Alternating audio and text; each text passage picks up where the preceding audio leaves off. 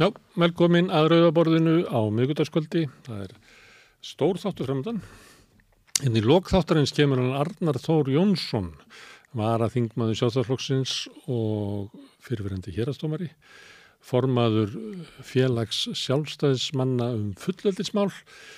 Hann var hérna hjá mér í síðustu viku áður en að flokksráðsfundur sjálfstæðarflokksins uh, var var þá að leið á fundin með tillögu og eitthvað fleira og hafði svona vendingar um það að á þeim fundi er því einhversunar úslitt um það hvort að þetta væri flokkur sem að hendaði honum, Arnari. Og í lok þess samtals að þá tók ég hann lofur að koma hingað og gefa mig skýslu eftir fundin og hann ætlar að koma hérna í lok þáttar og ræða um þennan fund og um stöðu sína í flokknum og um margt annað ef ég þekki hann rétt og kannski mið sem spyrir líka. En áður en að Arnar kemur að þá kemur hingað uh, kaftinn, það kemur hingað Yngvi Kristinn Skjaldarsson sem er kaftinn í hjálpræðisöfnum. Í hjálpræðisherrin hefur tekið á móti flottafólkinu sem ríkið hend út á götu. Þar getur fólk komið og fengið að borða og, og dvelja í húsnæði hjálpræðisessins. Ég ætla að ræða við Yngva um þetta starf en ég ætla líka að nota tækifærið og, og spurja hann um svona ímislegt sem hefur verið í umræðinu um hælisleitundur, svona inn í almennu umræðu. Uh, gott að heyra svona hvernig umræðan lítur út hjá þeim sem að vinnur með flotta fólkinu og hefur kynst í og þekkir það eigin raun og persónlega hvernig svona hinn almenna umræðut í samfélaginu sem er drifin ofta áfram af fólki sem hefur kannski aldrei hitt hælisleitunda og þekkir lítið til þeirra og veit ekki hvað svona fólk þetta er. Það er slikt fólk sem að drifur áfram umræðina. Við heyrum hér í kaftin Yngva setni þettinum. Hér eftir örstuðlið að þá kemur góðkunningi þáttarins Áskir Brynjar Torfarsson, ég ætla að tala við hann um stöðuna í efnaðsmálunum ég er eiginlega velta fyrir mér hvaða efnaðstefna er rekin á Íslandi? Hvað má lesa út úr aðgerðum Sælabankans og fjármálaröðisins þetta er svolítið asnald að segja þetta við þetta ætti að vera okkur öllum ljóst en því miður þá er það þannig að það er ekki alveg klárt hvers konar stefna þetta er og hvert hún á að leiða.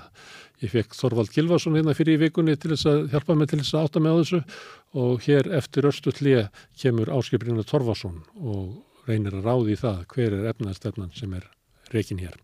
Í áður en að við skiptum yfir áskiprinnar þá ætla ég að minna ykkur á það að þið getur hjálpa okkur við að byggja upp samstöðuna með því að læka efnið okkar, læka síðunar okkar á YouTube og Facebook.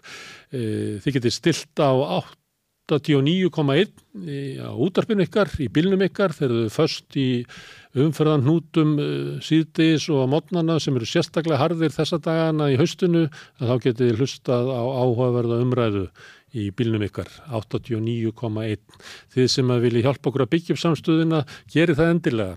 Við erum eiginlega uh, alla daga að, að, að hvetja fólk til þess að gerast áskrifundur. Þið farið þá inn á samstöðun.is, það er nappur sem að það sem stendur á áskrift, ef íti á hanna þá getið þið skráð ykkur fyrir 2000 króna áskrift á mánuði, það hjálpar okkur við að byggja upp uh, samstöðina, þá getið þið valið að vera í félagi sem heitir Alþjóðufélagið sem er jáfnframt eigandi samstöðurinnar. Þannig að fyrir 2000 krónur á mánuði getið fengið allt efni samstöðurinnar en jáfnframt átt samstöðuna í félagi með öðrum áskrifundum, áhörðundum, lesundum og hlustundum.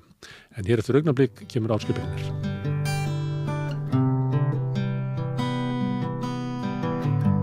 Samstöðin er á öllum hlaðvarpsveitum. Rauðaborðið, Sanna Reykjavík, Samtal á Sunnudegi og Helgispjall. Herðu, við ætlum að ræða um efnaðsmál, stjórn efnaðsmála sem að það er Sælabankin sem er að gera sitt til að halda verðstöðuleika eins og sagt er og fjármáralöndið er að gera sitt eða hvað, ég veit ekki, þeir eru að bóða aðhaldi í ríksæstri og svona ymsar tilfæslur til þess að reyna ráði í því hverju stefna íslenska stjórnvalda í efnaðsmálum en hinga komið áskip Brynja Torvarsson eins og ofta áður, verður velkominn. Hvað séru, hvað hvaða efnaðstefna er ekki á Íslandi í dag? Það er að verða eiginlega æg erfiðar að skilja það, sætt að segja Við ættum náttúrulega, við ættum náttúrulega að vera að ræða um efnastefnuna Já. en í því miður ég verða að byrja á svona en við reynum áttugráði hver hún er Já, sko, þessi yfirlýsing fjármálar á hans og hún kem ekki verðbólkaði við. Já, ég, ég, ég, ég er búin að reyna af, af sko, hvað kallaði Þorvaldur, af svona umhyggju og alúð að, að skilja hvað manninum gangi til sem er fjármálar á sem segir svona. Um, og, og, og það er eiginlega bara ekki hægt sko, að, að, að skilja að því að við erum búin að vera að tala um í öllum heiminum og allavega við hér við þetta borð frá því eh, sko, í öllum heiminum frá því COVID Mm. þá, það var svona kannski jáðar umræðefni fyrir COVID en leið og COVID kom þá voru allir farnir að tala um samspil ríkisfjármála eða fjármálastefnunar og peningamálastefnunar. Þetta er, er það að vinna saman. Þetta gæti ekki verið hvora benda á hinn eða tvær svona sikkvara stefnu sem Mm. kemur hvora annar ekki við. En Bjarni misti þessu. Já og kemur síðan með sko þetta Mm. komment núna þegar hann er að fá yfir 100 miljardar inn í ríkisjóð út af þessari verðbólku Mm. og segist síðan að ætla að spara 17 af þessum 100 en hann ætla samt að er kannski það aðra spara. já og, og sko og þetta er uh, Já, ert það, er orðlaus. alltaf að fara í, það er alltaf að fara í skrúun Heldur að þú þyrftir að fara bara langt aftur í aldir til að finna fjármáraráður sem að myndi láta svona út úr sér. Kanski fjármáraráður að láðu sjóstólanda sem að bretta nú heldur mikið af pinningum. Já, já, ég meina þetta, þetta Það minnst, verður ómúlegt að hugsa sér að einhver fjármáraráður að svona í okkar heimsluta myndi segja þetta. Nei, þetta, þetta minnir eiginlega á efnastjónu hér, minnir á Liz Truss og Kwasi Kvarteng í Breitlandi sem Það sem voru hann, bara svona eh, eins og, eins og hefði farið í tímavél. Allt er dottið frá 1980. já og bara þeim var komið frá völdum eftir að fá mánuði sko, því þetta var, sko fjármálamarkaðurinn, selabankin, uh, flokkurinn, þú veist, allir sagði, hei bara, þetta fólk er ekki að veita hvað þau eru, sorry, búin að missa allt í skrúna, skiptum um, Já. en hér er sko eh, bara allt farið í skrúna bæði í selabankanum og í fjármálarandur eh, Nú hafa bæði Sælabankin bent á að, að, að, að má sjá árangur af vakstahækunum. Það sé fyrir að hæja á í svona raunhækjerfinu og þau benda á ímyndlegt. Mm. Fjármálaráður að tala um að allt sé bara á réttri leið og hann sé að ná tökum á þessu og þetta sé allt á undan áætlun og gangi vel. Þannig að nú þarf þetta raugstiða það. Af hverju er allt farið í skrúfuna því það er alveg þvert á það sem að, að Sælabankastjóru og fjármálaráður er að halda fram. Já, já, þeir eru að reyna að tala hlutin einhvern veginn. Voru ekki að koma nýjar tölur í dag frá hagstofunni, Já, verðbúrkan það er hérna það er svona miða við það að, að það er samt þess að að lækkun á, á fasteinaverði samt ekki eins mikil og hefur komið fram til dæmis á HMS Mm. þess að reiknuð húsalega lækkar um minni með 0,29% Já. en uh, greitt húsalega hækkar um 5 og samanlagt hækkar vístalunum um 0,34 sem eru hvað verðbólgur hraði upp á kannski 4,5 mm. þannig að það er ekki, ekkit blúsandi verðbólga. Nei, nei, en, en við erum með stýrivexti yfir 9% já, já, það eru ótrúlega ef þú átt pening, þá átt að fá jákvæða vexti á stýrivexti Sælabankars miklu jákvæðri heldur en stýrivexti nokkus banka í heiminum Já, já, Ísland er velferðaríki fyrir fjármakseigandur, Já. kalla ég það á, á Já. Uh, með, með þessum efnagstjórntækjum sem er beitt er. Já, Skattaafsláttur til hérna efnameri frá fjármálaráðara já. og jákvæðir önvextir frá Sælabankanum og Það er bara hagnaði til líklega bara bankanum. 5% eða eitthvað svona þú tekur sko verðbólgur hraðan ákvörðan núna Já, þá er þetta, þú veist, þetta er umtalsvert jákvæðir raunverstir. eins og Óli Margeir sem er svona ígildið þjóðastofnunar með sínum mánalegu uppreknuðum að því hann fór á forrættunumskeiði Mm. sagði að það væri mistök að hækka vextina núna því þú veist, þeir eru að hafa, að hafa effekt eftir ár eða meira og þetta væri óþörf og kannski er hún gerð til að endurvinna trúverðuleika sem tapaðist út af þessu ruggli sem var búið að vera varðandi sko þegar það er borið saman hvað selbankominn segja yfir tíma þá tapa menn trúveruleika tala í kross sko, þó, þó að menn hafi kannski komist upp með það hér á landi. Uh, og sko og síðan þegar þeir eru ekki að tala saman í sama átt Sigur Ingi var endur að reyna að tala niður verðbólkuna á húsnæðistingi í morgun þannig að, þú veist, en, en, en það eru bara uh, sko það er búið að tala verðbólkunu upp of mikið, of lengi Og þú ætti að segja að Sælabanki sé að tala verðbólkunum upp með því hækka vexti svona mikið. Já, og hann er að, hann er Þannig að svigrúm fyrir- skemma fyrir samningum í haust Já, með því að vera að æsa upp núna fyrirfram í staðin fyrir að ef allir væri að rói sama sömu átt Mm. og, og menn væri búin að tala sér svolítið saman og, og sko, þú veist, fyrirtækin eru sko, sum bakari er ekkert búin að hækka krossategi, sum eru búin að því og neytendur ættu að finna út hvar og hverju, en ég meina ég var að kaupa eitthvað varahlut í bílinn minn. Sko, þeir hækka verðið líka á varahlutunum sem eiga Mm. að því að pöntunum er orðin veist, þannig að þetta er þetta er það sem er kallað hagnaða verðbólgan. Það, það er, Þetta það er er alltaf verið gert áskiprinnar eins og með ólíuverðið það hækkar ólíuverð út í heimi Já. og þá bara hækkar verðmætti í töngunum hérna heima. Já, en, en þetta er það sem ég er að tala um að við erum að missa því skrúfuna með vörnu lönd að því að þar er verðbólgan á niðurleið og mm. hún er orðin 3% í bandaríkjunum og, og við erum að fá þessa innfluttu, sem sagt, við, erum, við sleppum við að fá innfluttu verðbólguna Túristanir sjá til þess að við erum ekki að, fá gengis Það gengi styrkis bara, þannig Já. að raunverulega innflutt, það er eiginlega frekar að verða á innfluttum vörum ættu að fara frekar að vera lækandi. Já, en það fyrir bara í meiri hagnað heilsalana og, og mm. búðaregandana og sem eru búin að byggja það, sko, þannig að það, það eru aftur allir, það, þetta er velferðaríki fyrir, fyrir fjármagsegandur og, og heilsala en, en hérna en það sem er að fara í skrúuna á þessum tveimur sviðum er inn í haustið og með þessar verðbólkutölu og þessar stýrivexti að þó, þó að öll merki ættum að verum að við værum að geta náðinni niður að þá er bara verið að kynna undir óróa fyrir samningana. Uh, ríkisjóðurinn í ólestri að því að sko þessi 100 miljardar það, það vita allir og sjá að þetta er verðbólkufráða þó að Rúf tali ekki um það að það sé talað um það hér. um það, sko. Fær að koma bara það fund og tilkynna þetta. Já, Og það er bara þótt að þetta sé augljóst og eins og þú segir, það vitið allir. Þannig að fær fjármálaður að koma fram og kynna svona fróðu sem, eiginlega til- sem bata. Já, uh, nei, ég, uh, og ég veit ekki á hvort að það er á, að tala fólk niður um að, að, að hér sé allt bara góðri leið.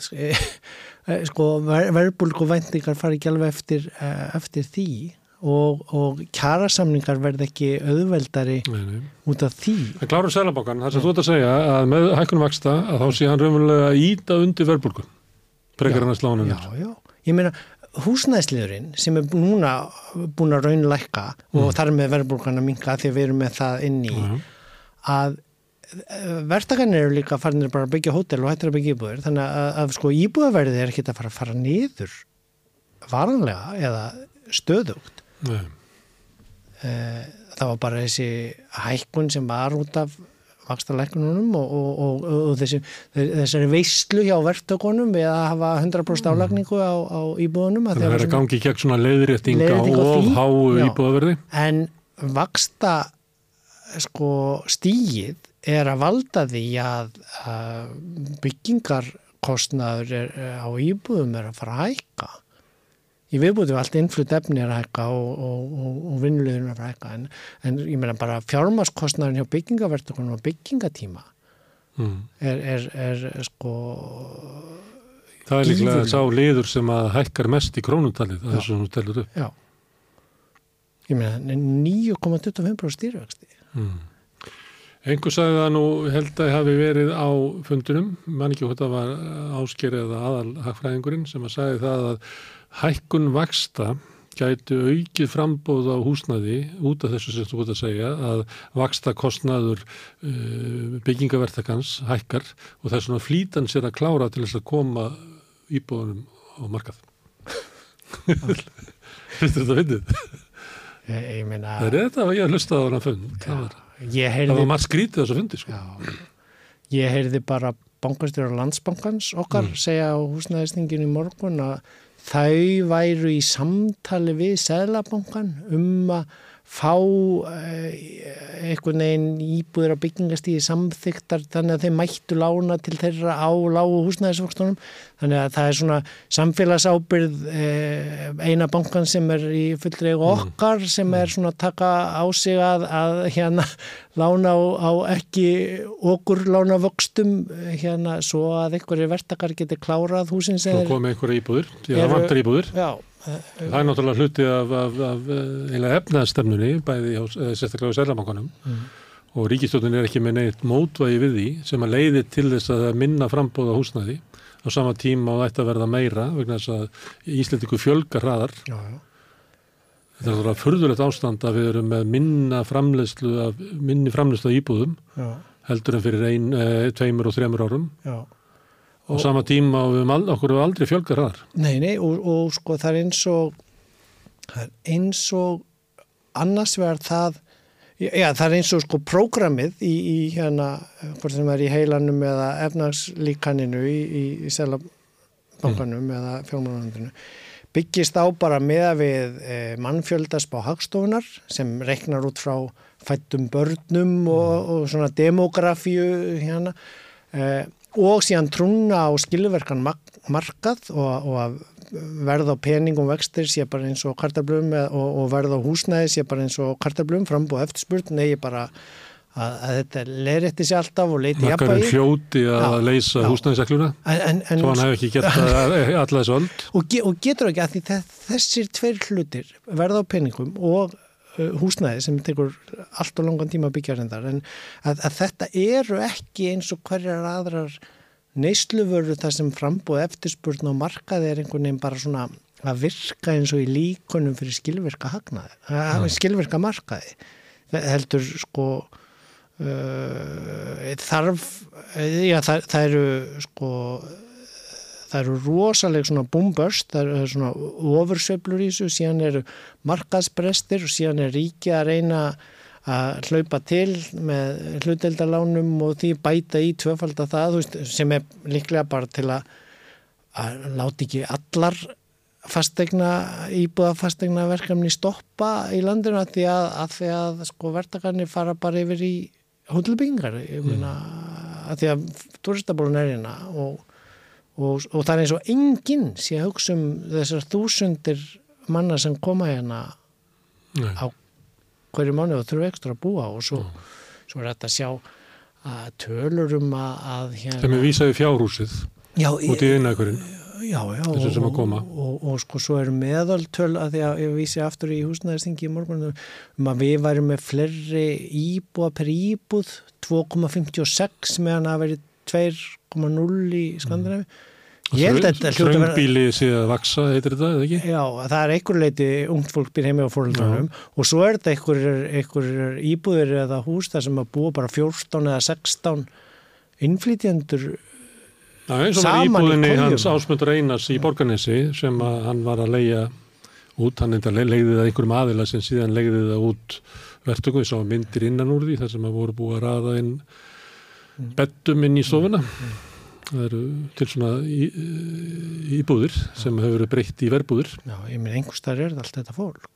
Við erum að verða yfir 400 til lokars Herðu, Ásker hann hérna mm, talaði svolítið um það að Sælabankin hefði bara þetta eina tæki og svo var hann að tala um að aðila vinnumarkarins eru að taka á með sér. Hann var spörður út í ríkisfjármálinn og hann sagði, var svona hálf uppgifin, sagði það að hann legði til eins og áður, bara aukið aðhald. Mm.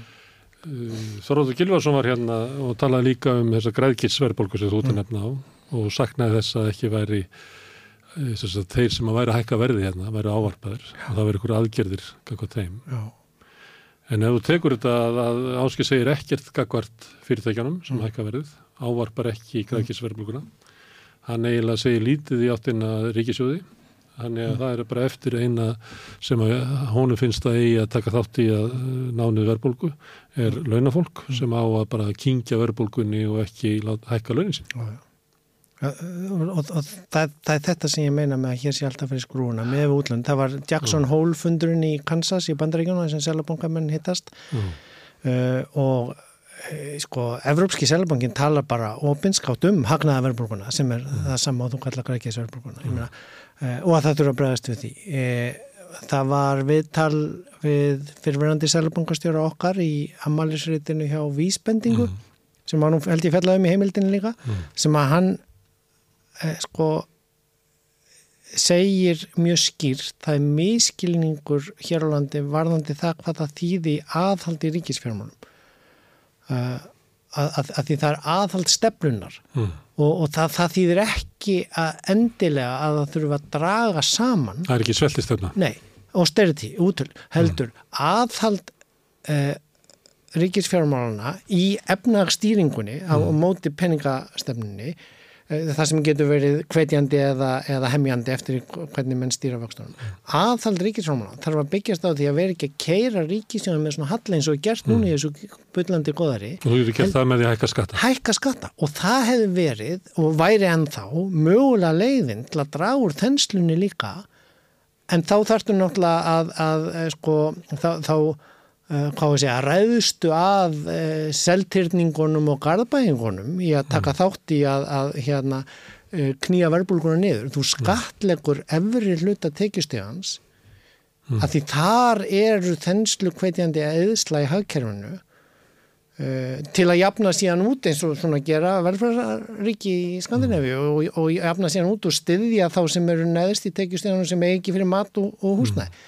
En, en En ásker, Bjarni Byrðirsson er ekki að fara að gera það. Hann er úr Garðabænum, Já. hann var eins og fyrirliði stjórnunar sem tíma, þannig að hann er eiginlega, hann er eiginlega kóngurinn í Garðabænum og hann ætlar ekki að gera það. Og ástæðan fyrir hann var svona tildulega gladur á förstudaginn þegar hann var að kynna þarna minni halla á þessu ári heldur en spáð hafi verið eða þeir hefðu sjálfur gert ráð fyrir.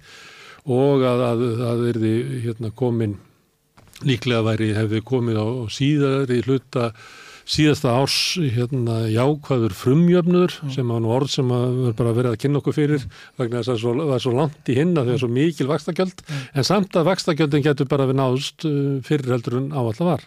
Og ég held að hann að verið gladur uh, líklega vegna þess að hann var búið einhvern veginn að setla sko flokksrársfundi sem var framundan. Hann vissi það að hann myndi fara í gegnum hann að verða fyrir neinum áföllu frá sínum félugum En hann var mjög gladur að sumuleiti vegna þess að hann eh, var 100 miljardar sem að sko aukin verðbólga og aukin ofþensla í ferðarþjónustunni hafði fært inn í ríkisjós og á móti þá hækka útgjöldum minna um sinn en endan þá kemur verðbólgan og býtur hann í rassin þar. kem, kemur í skrúna. Það sem að mér fannst að vera svo gladur yfir að þetta slakaði á kröfunum á hann um að til dæmis að hækka skatta.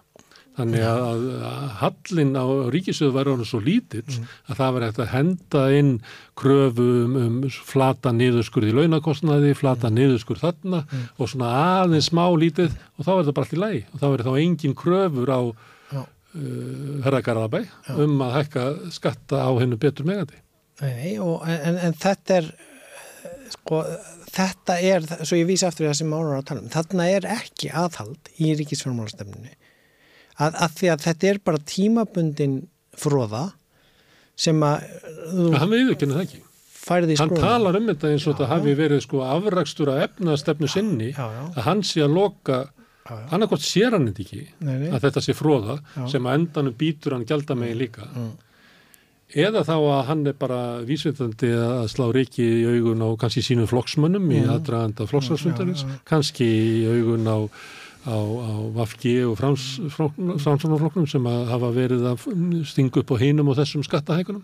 Ég veit ekki hvað. sko ég átta mig ekki á því hvort þetta sé viljandi eða, eða vegna þess að menn sé bara með ránt forrit eða mótel eða líkan en, en sko dæmi að e, það hvernig skatt heimtan leggst niður á tekjutíundir sem að ég ætti að geta flett upp á, á hagstofuvefnum Mm.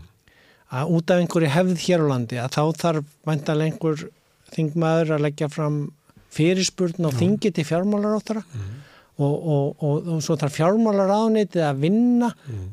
þessar tölur út og menn beita fyrir sig einhverju persónu venda lögjöf mm. eitthvað álíka og, og þá munum við fá það um jólin eða einhvern tíma á næsta ári mm.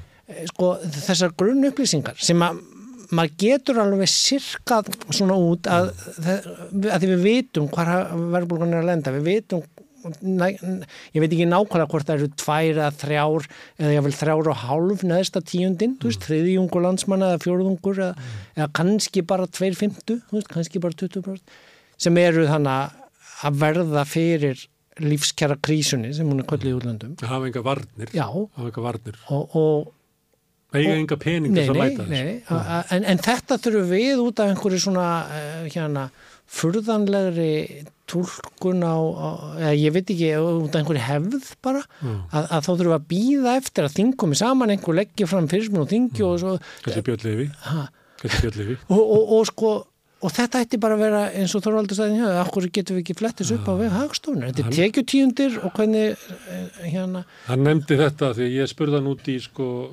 já, því að við erum, í hávastalandi og vorum að tala um uh, vöxt ferðarþjónustuna sem að verklæsefinginu gaggrínt og, og Gilvis Óega og, og fleiri að þetta sé ekki þetta er ekki aðdunangrein sem við eigum að fagna því að vaksi svona mikið vegna þess að þarna verður til svo mikið af látekjufólki og við búum í hátekjulandi.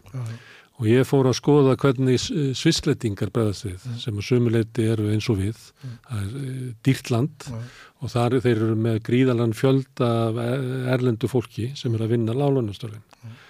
Þar er, og ég var að segja Þorvaldur frá því, að þar er sko lámaslaun sem eru kantonunum að setja, það er ekki niðurstaða úr samningu verkeflisefingan endur að setja inn í, en þetta er hluta af efnaðstjórninni sem að ver láti ekki fólkið. Þannig að ef að þú ætlar að ná inn sambarlum lífskjörum, verðlag í, í Sviss er eilítið hærra heldur hér, um 10% tæmlega, ef þú, vilt, og, og þú flyttur það yfir bara á genginu og verðlags leðrétt og vilt koma lámarslaununum hér, sem er lagsti taksti starfsgrænsabasins, upp í það sem eru lámarslaun í Genf, þá þyrftur að hækka takstan úr 420 krónum upp í 680 krónur. Þetta er munurinn á löndunum. Og ég fór að hugsa, byrju, þetta er efnaðstefna, annar landið með þá efnaðstefnu, við erum með háttverla hér og þess vegna er ekki hægt að lifa einnig með, með hálaun, þannig að við leikum hálaunastefnu og þau fyrirtæki sem ekki þóla það geta bara farið. Eða bara lokað. Við getum ekki haldið hér fyrirtækjum sem að greiða lægri laun en fólk getur haft til þess að lifa af. Við búum ekki við svona land. Við búum við land það sem að segir við viljum halda launanum eins lágum og mögulegt er til þess að sem allra flest fyrirtæki geti hér stundað eitthvað rekstur. Þó svo að þau hafi ekki efni eða þú veist greiði fólkinu sínu ekki laun svo að það geti lifað af því. Og þá segir við við fólkið ég menn ef þú þólið þetta ekki þá getur þú bara farið til Norex eða Sviss. Nei, og, Nei, mér finnst þetta að vera svona, mér finnst það mætti koma inn í umræðin að þetta er náttúrulega hluta efnaðstefnunni Já, já, og, og hún er í raunveru alveg stórfurðulega því að sko, já, og hlýtur þá að byggjast á að þeir trúi því virkilega uh, þeir félagar þannig sem stýra ríkisfjármálunum og Ásker og. Bjarni leggja höfuð áherslu á að hér veri laun ekki hækkuð. Já, að því að, að, því að verðbólgan komið þaðan sko. meðan að við erum búin að hafa þessa tímabundu samninga sem ég var nú ekkit svo hrifin af að hefur verið gerðið til skamstíma síðast en, en það er þó allavega búið að gefa svigrúmu fyrir það að, að það ætti öllum að vera ljóst núna þessi verðbólga sem er núna hérna og ennþá er ekki út af kaupkröfu Ég getur að sagt að það er, það er mjög há laun í Sviss en það er ekki. Nei, nei. Verðbólga hefur aldrei verið vandamál þar. Nei, nei, og það er alveg búið að vera sína fram á það frá því COVID og rannsóknum sem hafa komið fram að ég, ég vísaði það hér, IMFs pappirar með þess að að, að launahækkanir rétt halda í við verðbólka ef það er ná að gera það þannig að þessi, þessi hugmynd sem hefur verið kend hér einhvern veginn í, í í hagfræðadeildinni sem að Sælabankastjórun stýrði nú áður en hann fór í þetta jobb að, að, þetta kom einhvern veginn þaðan um, sko er bara já það, þetta er eitthvað eh, líkan eða forrit eða hugmynd sem að er sko Þessi allt ræstingakonun að kenna. og, og, og, og það að hafa ekki náð að koma ríkisfjármálunum í jafnvægi með því þá að hækka skatta á móti tekjum sem hefði geta Já. dreigð úr þenslunni og uh, verðbólkunni það, Og hjálpa okkur til þess að hækka tekjur lagslunum. að, Að búa til ja- jafnvægi í, í efnaðinum til þess að hjálpa okkur til þess að það lítur að vera markmið. já. Að hér búi allir við góð, mannsæmöndu kjör. Já, já, þannig er það, þannig sjá í kapitalísku Ameríku eða vestra, hérna, norrænum velferðaríkjum eða Evrópu eins og Sviss, sjá allir sem stýra efnaðasmálum að það er hagur allra og fyrirtækjengundunni sjá það líka þeir, þeir sjá sko hag sinn í því að hafa hæfilegan hagna en hafa líka efnaðaslífið í eðlilegum blóma og hvorki í blússin ég mm.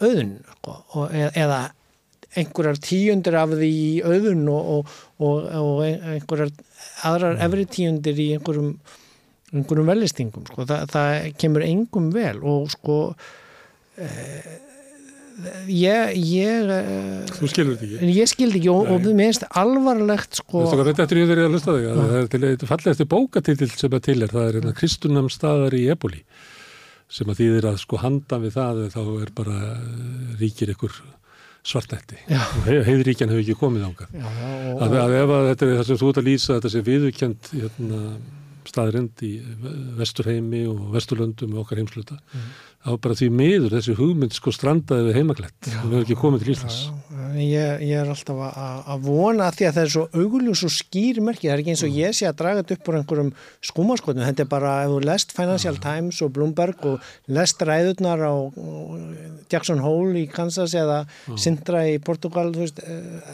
Evrópskir eða, eða alþjóðleir hérna, selabongamenn eða fjármálaráðarar í IMF fundum í, í Washington að, að þetta er bara svona konsensus orðin svo geta meina aðeins verið í, í, í pólitík í einhvers konar ég meina, bætin náðu ekki að fá fjármögnun frá þinginu fyrir leikskólum mm. þú veist, þá er að reyna að finna leiðir annar staðar, þú veist, að því republikunum finnst það ómikið kommunismi að hafa mm. leikskóla, meðan að demokratanir og heilmikið af efnaðarslífinu þar sér haksinn í því að fólk geti sett börnin í pörsun og komið þá unnið þetta er hinn alþjóðlega umræða síðan erum við með náttúrulega rosalega sko áskoranir í hennu alþjóðlega efnarskerfi sko í framhald af því að allir er eiginlega að vera kominir út úr COVID eh, og keðjumöndraðunum og verbulgan og niðurleið þeir eru að segja, já við erum ekki búnir þú veist, hún er bara 3% við þurfum hann að er í 2%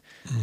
uh, og eða í Evrópa hafvöxturinn er ekki alveg nóg mikill en, en, en þetta er nú samt allt að koma að sko í viðbútt við þetta er að koma geopolítíski vandin bara í heiminum helviti stríðið og síðan afleðingarnar af því eins og mm. kom ágætlega hérna í bryggsumræðinu hjá okkur mali að sko Val, Valur Ingjörðarsson sem var hérna í gær að, að, veist, það er efnaðstvingan í Vestland og Rúsland verðaldaði mm. að Rúsland og Kína og, og, og veist, að, það flæðir þanga og þá vilja þau efla sér saman Indland, Kína, mm. þú veist, Rúsland og, og þetta er og svo er Afrikuríkin í miklu vandar og vilja þá eh, hérna kannski ef þú geta fengið eitthvað þarna sko en átt á því belti og brauð kynverjana sem var sko einhverja tvær triljónir dala.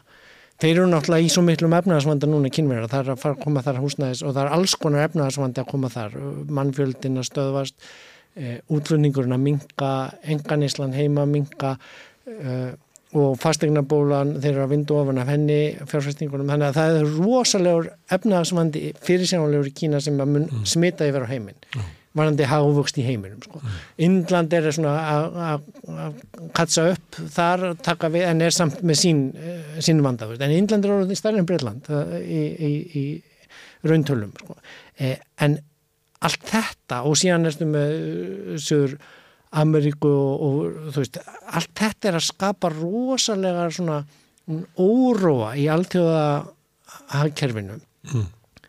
í viðbútt við síðan stóramálið sem að ætti að vera það sem við værum öll að tala um og nýta lærdómin á COVID og, og þessu að, að bregðast við sem er efnaðislega áhrif lofslagsvarunar mm. það, það, er, það voru stórfréttir og alþjóðlega reiknískilasviðinu varðandi sjálfbærni staðala sem er að koma Európusambandi með sína útgáð af því veist, fyrirtæki að taka sum frumkvæði í sko, og, og ég meina sem ég vísi aftur í húsnæðistingi í morgun, ég minn í Danmörk er menn bara byggja hús úr gömlu efni, þú veist það bara hætta að rífa hús, hætta að flytja inn nýtt efni til að byggja hús því að þetta er mesta lofslagssporið mm. í frangandum.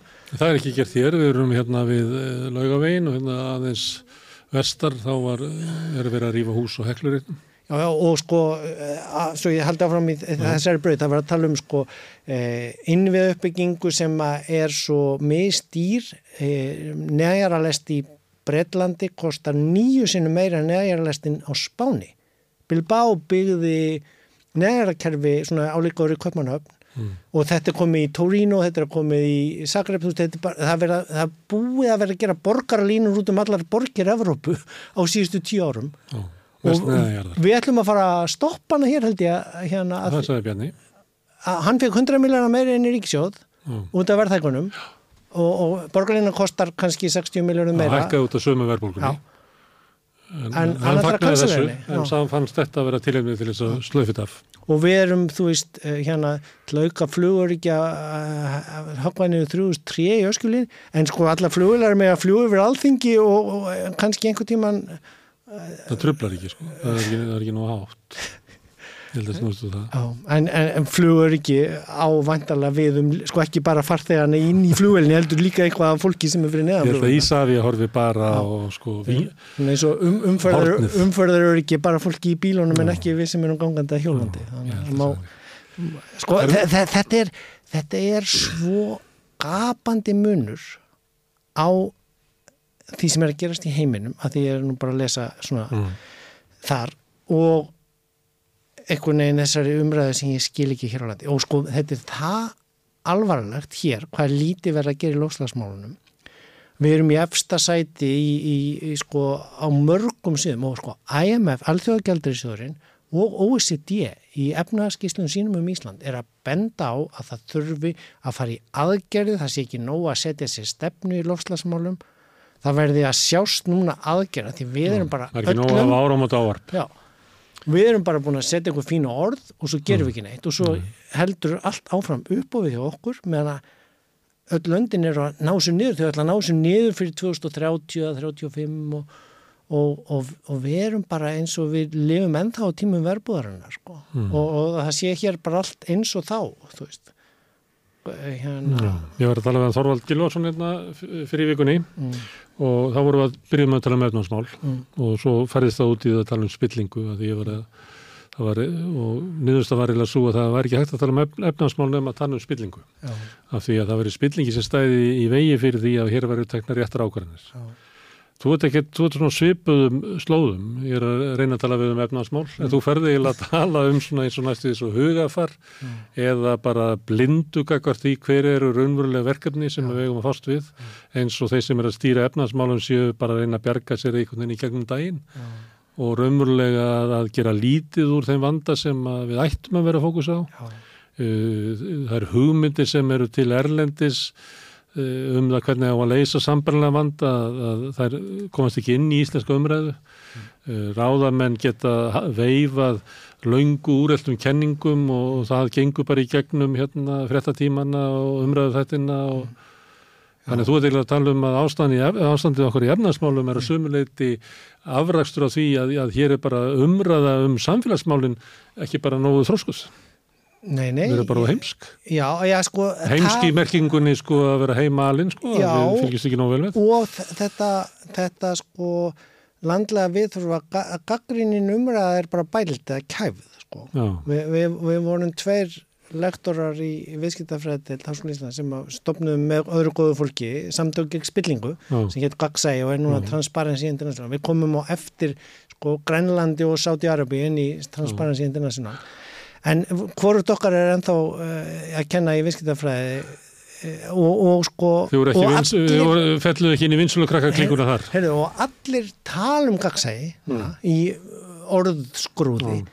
en svo koma bara upp mál eftir mál, Íslandsmánga er það nýjasta það sem að sko gjörðirnar fylgja ekki orðunum þetta er sam og lofslagsvandin sko. mm. það, það þýr ekki bara að segja gagsægi í öðru hverju orði ef að það síðan eru 80% af símdunum ekki tekinu upp. Mm, veist, eh, eh, meðan að sko fjármáleflitin í bandaríkjónum eru bara að fara inn í fyrirtækin og tjekka, ert þú að tjekka á, á Þú ert að lýsa samfélagi sem er bara leigtjöld það er ekkit að marketa Nei, það, sko, veist, þykist vera stund að líðræði, þykist vera stund að opna umræðu mm. þykist vera að ræða opinskátt en það bara er ekkit að því. Sko ég var í þessu fjármálaráði þangall í fyrra sem var samkvæmt lögunum um ofnverð fjármál sem voru sett hér tók mörg ár eftir fjármálarun eftir tilhuga alltjóðagjaldrisjóðsins og allir flokkar koma af því og, og, og, og við vorum að byggja upp þetta ráð og ég hérna ætla bara að segja það núna að með að við hvernig staðan er og, og að því að komið ár frá því ég var búinn að ljúka störfum hann eftir 2-3 ára tímabil að það er bara búið að vera eiðilegja löginum umbyrð fjármál í praxis með því hvernig stjórnefnarsmál er hagaði hana og hvernig mann haga sér í gjörðum út frá því að fylgja ekki þeim reglum og viðmum sem þeir setja sér heldur bara að nýta COVID til að halda áfram með uh, útgjöldin án þess að hækka skattanum móti og, sko, og meiri sér það þannig og það er það alvarlega því lögum ofnbæri fjármálega taka ríki og sveitafélag, þau ofinbæra að þá er, þú veist, eitthvað sveitafélag norður í landi sem að tók yfir hjúkurnaheimili sem síðan var miklað, það fyrir bara að skila því. Og ríkið tekur þann miklu kostnað á sig einhvern veginn og þarf að finna penning til að byggja það. En svo er alltaf tekið hérna höfuborgin að því að þar er hérna einhver flokkur við stjórn eða einhver borgarstjóri sem að, hérna er ekki í náðinni hjá fjármálaráðunutinu og þá er það alltaf talað niður sem, og, og meðan þau eru að taka við öllum þungum og erfum verkefnum heimilislausum mm. og föllum og svona, meðan að Garðabærinu og Seldjarnissi bara, þú veist og, og, og, sko, og þetta er andstætt lögunum um ofnbyrð fjármál, það að því þau eiga að taka á hennu ofnbyrð í heild og sko við erum, sko í öðrum löndum er þetta svona 50-50 sveitafélagin og, og ríkið mm. veist, því, við erum svo lítil að það er ekki, veist, það er ekki rekin framhaldsskólin og löguröglan og hjúkurnaheimilin á sveitastjónastíðinu mm.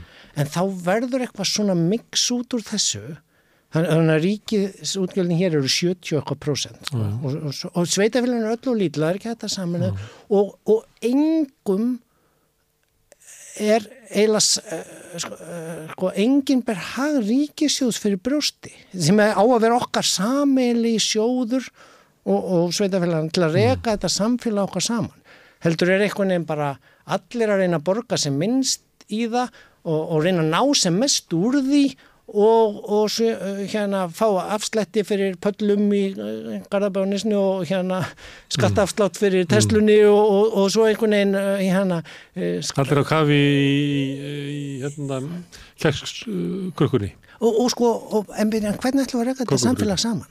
Veist, mm. Viljum við ekki hafa góðan spítala, góða skóla fyrir bönnum okkar? Þú spyrir almenningar þá svarið já, já. En, en svo er bara að vera að gera eitthvað annað í praxis á stefnunni og, og sko og þetta er e, þetta eru sko þetta eru góð fyrirheiti í svona lögum um að það er að setja stefnur, húsnæðistefnu samgöngstefnu, málaflokkum og svo eiga, þú veist, útfrátt í hvað það er að gera og við ætlum að forgangsraða og, og svo er sett fjármála áallun til fimm ára útfrá fjármálastefnu ríkistöðunar mm. og þetta er, þetta er í teóri á pappir flott eins og önnur löngjar ef það verið farið eftir þessu. Já, en svo tekst okkur það ekki í viðbútt við síðan að hér hefur aldrei mátt sko horfa á aðkomu ríkisins eða hins ofinbera eldur á það alltaf að íta því burt og ekki að þannig að við erum ekki meina aðvunstefnu eða yðnaðstefnu sem að var óvinnsælt þar til fyrir svona tíu árum úti, ég menna að mann mm. sáu bara kóru og svona uppgangsríkjum sem settu sér alvöru yðnaðstefnu, industrial policy eða aðvunstefnu við, ég menna hvernig... Eins og Vesturlund gerðu á uppbyggingatíma sínum. Já hver, eru við með stefnu í, í um, að ferðarþjónustan, varð ferðarþjónustan bara óvart allt í einu svona stærstu út? Það er engin stefna þar. Og hvernig er mentakerfur okkar að menta fólk fyrir það, ja. þá atvinnuppbyggingu eða þú veist, og hvernig er stýrt gjaldarísmálum í landinu og skattamálum, ég meina hún eins og... Það er ekki verið að reyna að meta það hvernig ferðarþjónustan uh, uh, gengur á landið, ekki hvað árið það hefur að byggja upp svona stóra hópa látöki fólki. Mm. Hún er á skattafslet. Það er ekki hvernig hérna, ferðarþjónustan á að greiða fyrir notkun sína á innviðum. Mm. Það er ekki, það er búið að vera ræðað eitthvað í einhver 12-13 ár. Það er engin niðurstaðaldi, það er eitthvað að vera að bóða einhverja hérna, möguleg einhverja skattimtu af, af hérna, skemmtifæraskipum. Ég meina, þetta, Mm. þetta, það fer, er engin stefna sko. þetta fer bara í svona og húsnæðistefnan eh, það er, ég held að Sigur Ingi sé að reyna að smíða hana saman Mm. en hún er ekki. Og, og þegar er hort yfir tímabilið margir halda hér sig ykkur sérregnastefna en svo stefna sem er búið að reka raunverulega frá 2004 og 2005 eða frá því fyrir hrun er svo að, sko, að búa til stór leigufélög annars vegar og svo hins vegar að, að efnara fólk geti leikt frá sér í aðra þriðju, fjóruð og fymtu íbúð og grætt á leigjendum. Það er hérna langflestar íbúður sem eru seldar gangandi þeirra sem eiga íbúður fyrir eða til leigufyrirtækja. Þannig að það hefur orðið til breyting frá einu sérregnastefnu sem Íslandika kannski halda sér reginina yfir í svona leiguliðastefnu þar sem að leigjendunir eru skildri eftir óvarðir. Við erum eina ríkið í okkar heimsluta sem hefur uh, veika félagslega húsnæðis, veikt ve- félagslegt húsnæðiskerfi, fáar íbúðu þar og eiginlega enga re- reglur til þess að venda leyendur. Í sumum löndum er bara annarkvort, ef það er eh, veikt félagslegt húsnæði þá eru sterkar reglur til að venda leyendur. Mm. Sumstaðar er svo stort félagslegt kerfi að það þarf raunlega ekki hérna, að venda leyendur vegna þess að, að opibera kerfið heldur niður í leiguverði og þar með öryggi leyendana. Mm. Sumstaðar er hvort vekja, en í einu landi okkar heimsluta er hvort og það er Ísland. og, og þetta er bara að verða núna eða búið að verða en, en að, er að verða augljóst er að verða mjög graf alvarlegt mál vegna bæði þessa fjölkunar okkar og já, Já, það muniði bara hálsbreytt að fólk var að deyja núna fyrir tveimur helgum síðan. já og, og, og sko Búandi í, í húsnæði sem er með ófull komnum brunavörnum, engu flóttaliðum. Já. Við getum bara að þakka fyrir að þarna brann ekki fólk inni. Sko.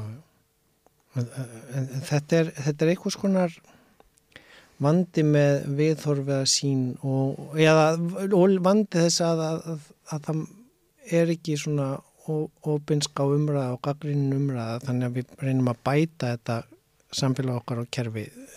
Þannig að, að sko uh,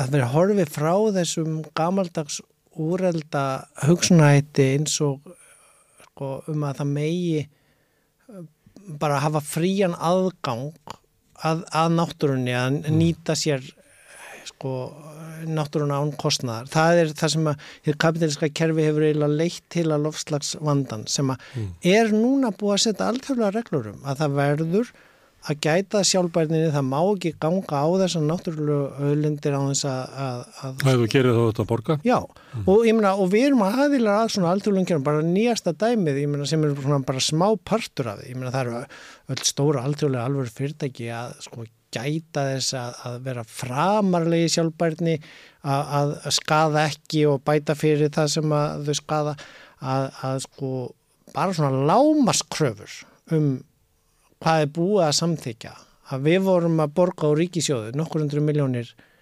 fyrir að uppfylla ekki kjótosáttmála sko, sem er frá því 1997 og þetta er þá vantarlega einhver, einhver losun út af frá stóriðu eða einhverjum hérna, stórlosun sem þurftu ekki að borga fyrir að kaupa losunarheimildir eða, eða upprunavottor að því við seldum upprunavottorinn við viljum alveg fá gróðan af því að, að selja grænorkun okkar helst fyrst að þrísvar en svo verður allt brjálað hér þegar þú þurfa að borga fyrir það flugvelum eða skipum eða, eða þarna hafi ekki uppfyllt mark með alþjóðlega samninga sem við tófingum undan þáðu frá. Það var nú einhver ráðherrana sem að var að benda á það úr sjóttarflónum í morgun að sko Íslandika selja upprunavottur eða svona lof- losunarheimildir fyrir miklu meiri, meiri pening heldur en að þeir eru að borga þarna sem skipafélag.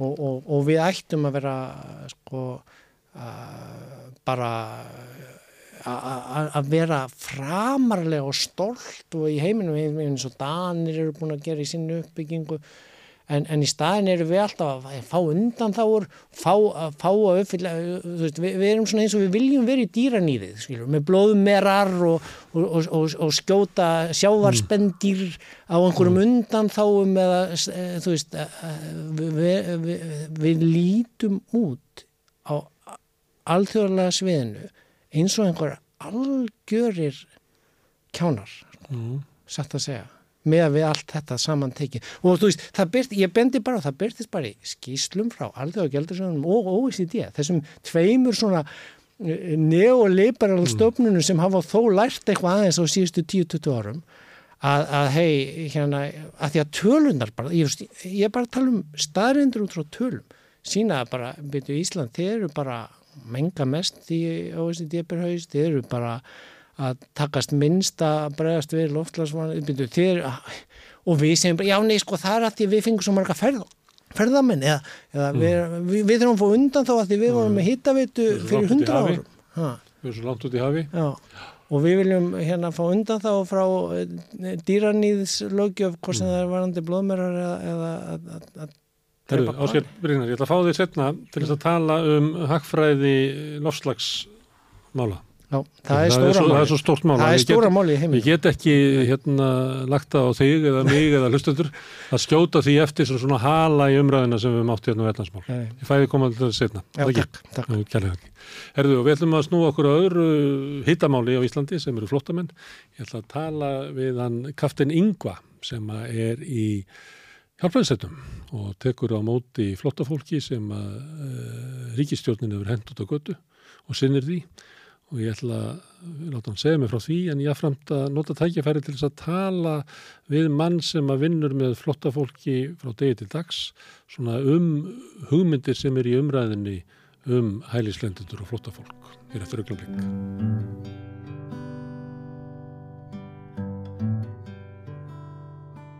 Hérna hjálpræðisirinn tekur á móti flotta fólki líka þeim sem að ríkisvaldið hefur hendt út á götu og þar getur fólk komið og, og borðað og mjög býst við að herin reyni að sinna fólkinu á, á fleiri vegu en, en bara gefa því að borða. Það hingaði komin til þess að ræða þetta. Kaftinn, Yngvi Kristinn Skjeldarsson. Sæl, mm.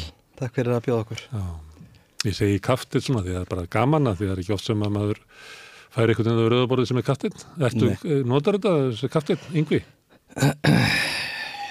Nei, ekki svona mjög svolítið hérna á Íslandi Nei.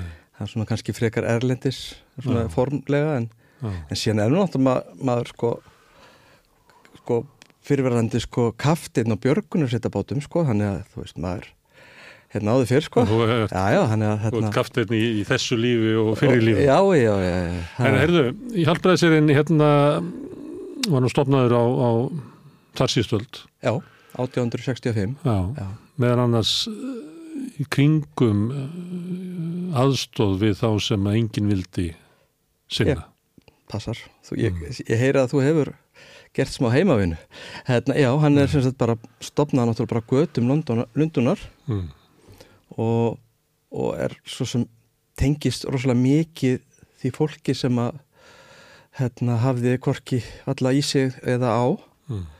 og þar sem að William Booth og Katrín Booth, konarnas, sáu þörfina og, og sem ekki var mætt á þeim, deg, á þeim dögum sko og, og í kirkjunni. Já, í kirkjunni og nýja ríkinu. og já, ensýður á ríkinu já, og kannski velferðarkerfið var kannski ekki, ekki eins og það, ekki eins fætt sko. Og ekki, var ekki eins og það er í dag. Mm en ég held að við erum svo sem ennþá langt í land mm.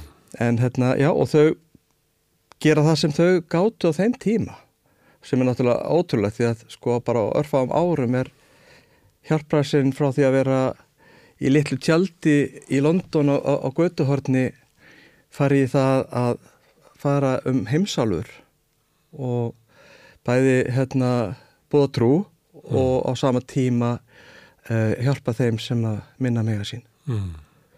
og við erum ennað í dag mm. sem er trúbóð í sjálfsögðu ekki? Jú, jú það er hérna, okkar, okkar trú náttúrulega er bara gildin okkar eru þar að, að, að við tölum stundum um okkur sem hérna, svona praktiska kirkju mm. practical church mm. þar sem að við þú veist Ver, verkli kristi verkli kristi já, við vinnum það sem að verk sem þarf að gera mm og það er líka bara að segja svo svolítið að veist, hjálpraðarsérinn er líka svona stopnun sem er náttúrulega stopnun í dag sem ekki verið það á síndíma sem að hérna er, er, upp, er sagt, þegar við erum búin að koma einhver á stað þá er ekki endilega að vísta við þurfum endilega kannski að vera þar ef einhver annar getur gert það betur en við mm. þá er það dásamlegt og þá hefur við samt þá, markmið er alltaf að ná fram bætingu og, og, og fyrir kjörum og lífi meðborgar okkar. En er það ekki þannig að þið sinnið, ef við fyrir svona í gegnum tíðina, mm. þið sinnið þeim sem aðri sinna ekki, þeim sem er svona hend út fyrir borgarliðið, ég... að þið eru þar undir brúnni að sinna þeim sem engin annar vil sinna. Jú. Og svo ég... gerist það náttúrulega kannski samfélagi vil sinna drikkjusjúklingum sem að jú, jú. var í upphafi kannski helstu kunnarnir. Já, meðal já. Og, og þá verður minna því hjá ykkur og svo breytist þetta.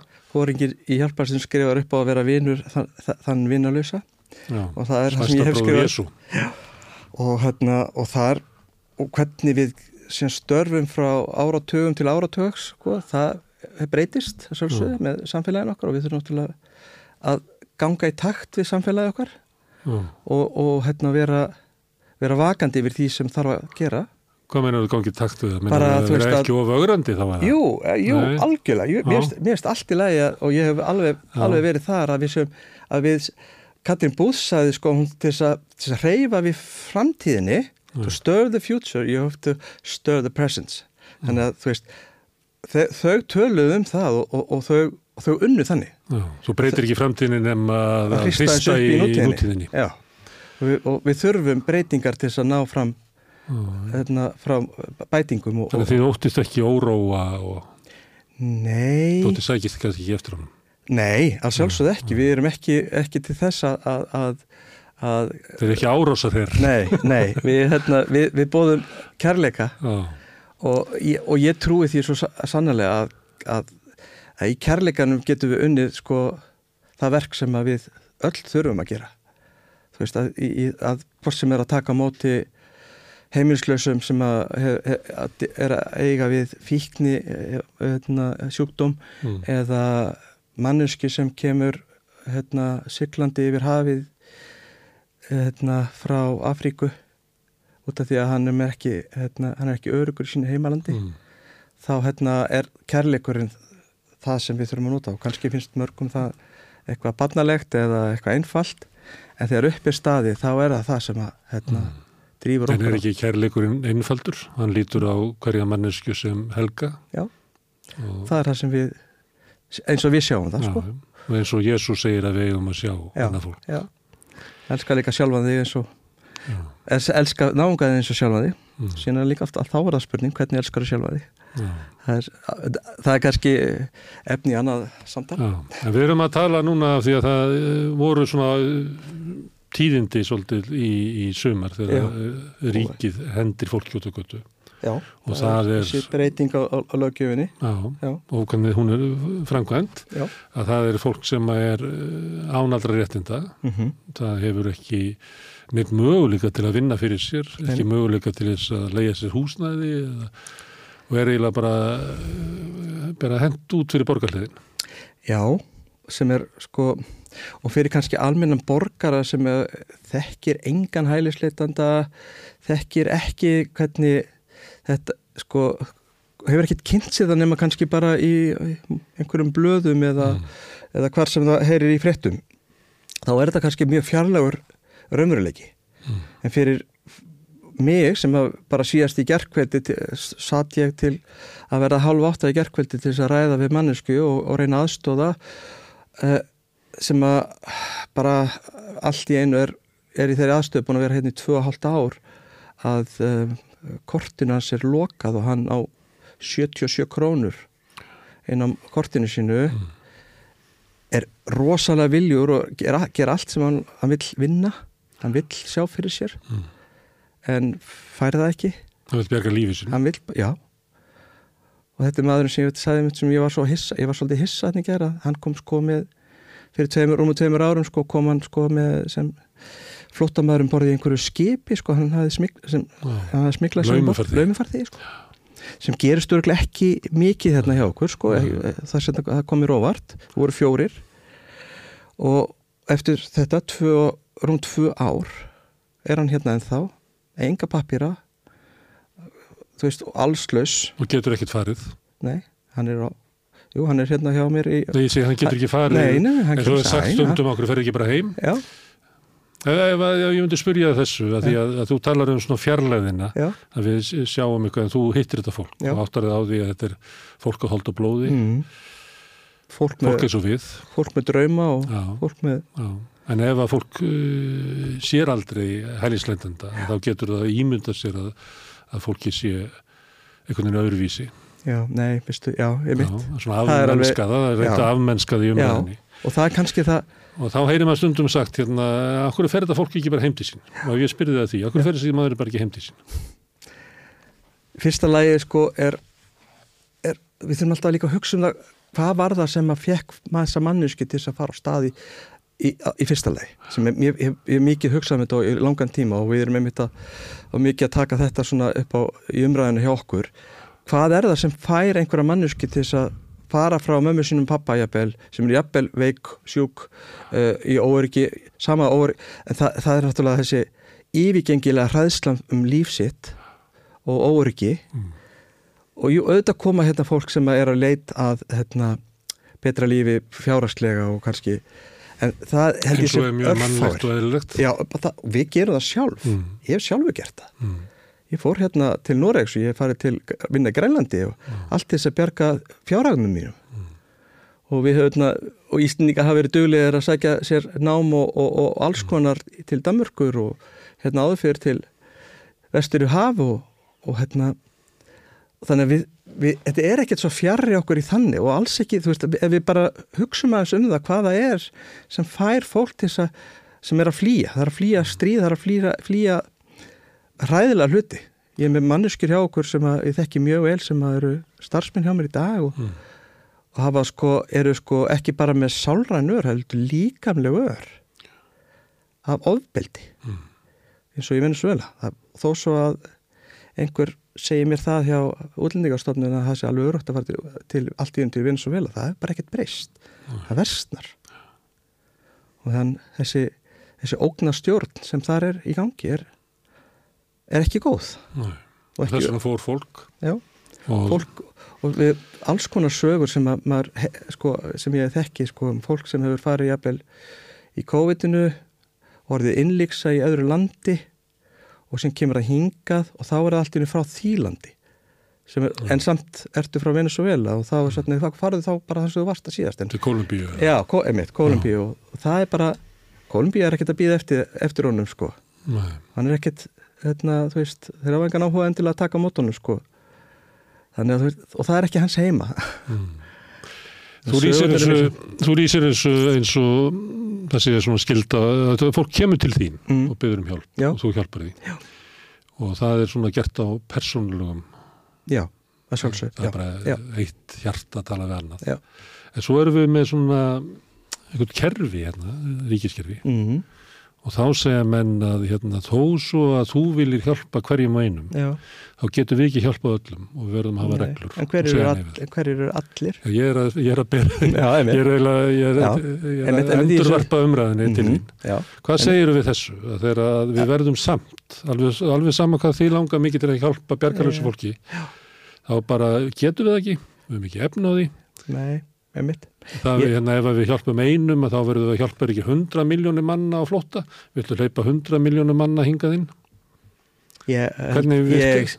s- sko, við þurfum líka að vera svolítið raunsæð sko Já. Eh, það er ekkit að koma enga 100 miljónir manna kannski, en, en ég oft hugsa, líka spáði þessu, þessu emitt, svona út frá þessu okkur vantar vinnandi hendur við erum í sko, sko Íslendingar væru, eru, við erum kringum 390 okkar þúsund í dag Já, við förum við 400 rúst í desember. já, já uh, veistu hvað við værum ef við værum ekki með uh, útlendingar Við værum bara först í eilifum kvennafrítegi. Já, það væri bara 300 okkar þúsund við værum bara með sko, veist, við, Það væri lama samfélag. Já, nákvæmlega og þú veist, við er, sko, við þurfum líka bara að, að, að fatta það að heimurinn er að breytast. Já. hvort sem okkur líkar það betur að ver og hvort við tökum á móti eins og fólk segir, við getum ekki tekið á móti öllum, við erum ekkert að fara að taka á móti öllum. Það er bara svo langur vegur frá því. Það er svo fáið sem koma hinga, mennur. Já, miða við bara, þú veist, sko, Angela Merkel tók ákvarðun í Þískalandi á sín tíma að taka mútið 700.000 mm. hælislendinu frá Afganistan. Þú tók hún sjö ár að fá þann kostna tilbaka mm. þú veist, inn í samfélagi Já. af því að þetta fólk Það er mikil ávinningu fyrir samfélaginu að fá um flóta Já, það er þannig og, við, og ég er búin að reyna að tala um, tala um fyrir því á mörgum stöðum að við þurfum að líka að horfa á þetta fólk þessar manneskjur sem sem hérna sem fólk sem getur verið bara, þú veist, getur hérna, e, það er, það er ver, verðmætt í því mm. þetta er svo verðmætt, það er svo mikið verðmætt ég, bara, ég er með fólk á mér sem ég veit manneski sem er löffræðingur og hún vinnur að skúra hérna, hérna nýri alþingi, ég er með mann sem er flugstjóri hann keirir flugrútuna en þetta er samt fólk sem að leggur á sig, það, það fer í störfin mm. sem að margir af okkur far ekki í mm. að því að hérna það er tilbúið til þess að leggja það á sig. Og þetta er fólk að neyðist til þess. Já, það er svo mikil neyð að það þykkur sko, að vinna. en það er samt gleði í því. Já, já. að því að það fólk sér ég er, ég er hérna í landi þar sem að ég upplifi kannski þó svo sem ekki allstar upplifi samt kærleika, ég upplifi öryggi og ég upplifi það að ég get séð fyrir mig sjálfur. Og 99% af þessu fólki er komið hinga til þess að sjá um fyrir sig mm. sjálfum og eignast hérna sitt mm. Líf. Þú ert að lýsa samfélagi þar sem að við sjáum ekki verðmætti sumraða manneskja. Og sjáum ég veit ekki hvað við sjáum í staðin hvað við sjáum óg ma, ma, við sjáum óg, já, já. við sjáum að við munum missa eitthvað vandamál. staðin fyrir, fyrir möguleika. Þetta munir raska samfélaginu gera það þannig ekki eins og við þekkjum það viljum já, hafa það, heldur fara með eitthvað allt annað. Já, við missum tungumálu okkar kannski. Já Þetta er, þetta er bara umræðan. Já, já, og hún álega rétt á sér. Mm.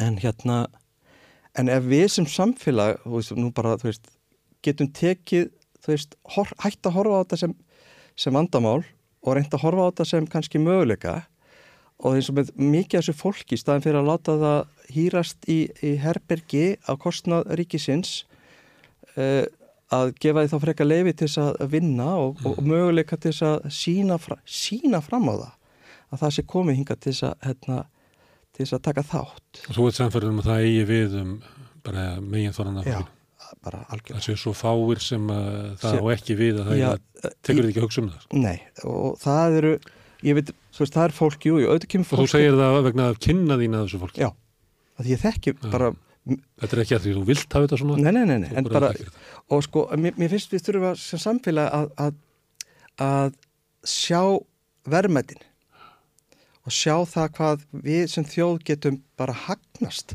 og það, það er náttúrulega fyrir mér að, að hagnast, mm. en það, það er samt sem að við, við, mm. þetta getur á staðin fyrir að hafa útgjöld að þá sem frekar, borgið frekar skatt. Það er ekki gott samfélag sem ekki sér verðmætti í manneskinni?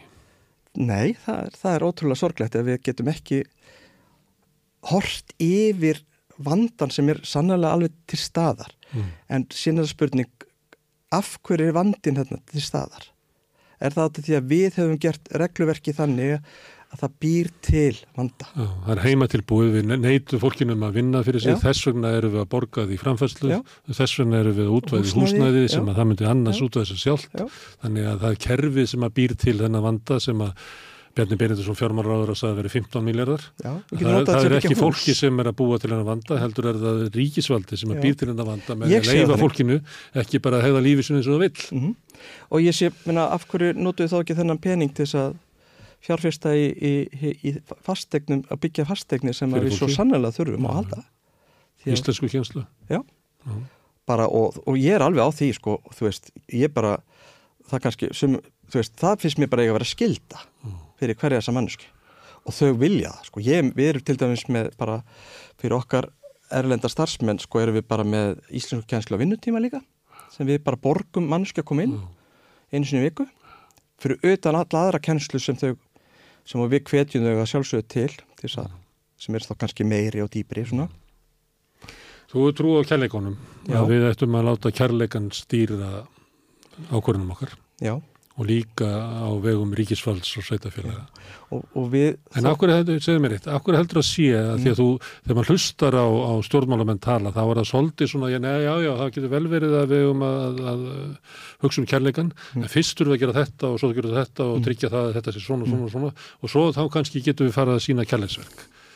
Þú, þú ert svolítið að segja að við eigum að hafa kærleikan bara sem uh, vegarljós, já. bara frá uppæði. Og þú veist það er það sem að þú, sko, þú þarfst að byrja freka þar mm. að þú veist að leggja, leggja stað í það hvort sem þú ert manniska sem vinnur á alþingi í það að búa til lögureglur og, og, það sé eða, eða ert í hérna yfir maður hjá ríkislögureglustjóri eitthvað og þá, þá þarf samt það að vera byrjunin, þú veist ekki það að þú búið til reglur sem að síðan kærleikunum getur aðlega sig að það virkar ekki þannig mm. og einhver kann að finnast að kannski kjánar eins og ég segi og ég sé kannski kannski bara rosalega barnalegur en þá er það bara þannig, þau maður bara hafa þá skoðum fyrir sig Já. það er allt í lagi Já. En er þetta að vera klassisk uh, hugmynd Já. í allavega í 2000 ár að, að við eigum að hafa kærleikan sem leðaljós Jésu Kristur uh, sjálfur hérna náttúrulega bara er kærleikurinn holdið klættur og og það er svolítið skemmtilegt eða svona, eh, það er áhugavert og kann, mér finnst það skemmtilegt og kannski ekki öllum sem finnst það skemmtilegt en að spá í því líka að, að nokkra daga gamall er Jésús flótamaður, hælisleindi ólöglugur í Egiptalandi þar sem hann var náttúrulega bara áttu að hætta að vera drepin Já. til tólvara og það er ekki allir sem að þú veist, mér finnst það kristni vinni mín sem að kannski gera sér alveg grein fyrir því hvað og ég segist, við segjum stundum í hjálparsum hvað myndi Jésús gera veist, og hvernig myndi hann sjá þetta mm. ég er ekki vissum að hann fær í það að búa til, byrjaði að búa til lög og reglu til þess að loka nú á allt þetta fólk svo að því við sem alveg að drukna í einhverjum hælingsleitundum sko mm. Herðu En stundum er sagt, mm. nú er ég alltaf endurverfað umræðina, að, að við þurfum að verja Ísland og íslenska menningu og meðan annars bara kristi kildi Já. fyrir einhverju svona eins og utanakomandi árás. Þannig að sumileiti er þessi harka einhverleiti í nafni kilda sem að ég hefur sem að margir sem Já, að haldur sér fram líta á sig sem kristi fólk og vilja Já. kristi samfélag. Klárlega og ég hef bara átt, samt, átt samtöl við mannskir sem að e, e, e, trúa Jésu Krist sem að en sko sko hérna en ef við ef við nú, já, ég, núna dætt ég alveg út já, fyrir ekki höfinur Ég skal pröfa eitt að vera en Martin Luther segir eitthvað staðar að, hérna, að við verðum að hafa fagnarerendið í, í hjart okkar og í samvinskunni mm og þar getum við ekki haft lögmálið menn þess að lögmálið er til eh, getur, yngvi getur alltaf fundið ykkur betri útgáð yngva og yngvi stennst aldrei þá kröfur sem að lögmáli getur gert mm -hmm. á hann þess að yngvi er, er breyskur maður þess verður við að hafa fagnarerindi í hérta okkar Já. og í samvisku Já. til þess að geta fyrirgifið sjálfum okkur og öðrum Já. en svo segir hann þannig verðum við að lifa okkar persónulega lífi en ef við þurfum í okkar formlega samfélagi að lára, uh, ráða lörglustjóra mm. að þá getum við ekki ráðið fagnæðareritið sem lörglustjóra að því við verðum að halda upp í skikk í okkar samfélagi, mm -hmm. sagði Martin Luther sem var nú stutti hérna samfélag fyrstanna mm -hmm. og var ekki alltaf, stóði ekki alltaf með bændunum Nei, nei og Er það þannig, þannig er þetta sem við erum svolítið að tala um, Já. að hvað er á kærleikurinn heima? Já. Áðan vorum við að segja það að hann ætti alltaf að vera fremstur, en er það stundu þannig að við verðum að taka grimmúlegar ákvarðanir fyrir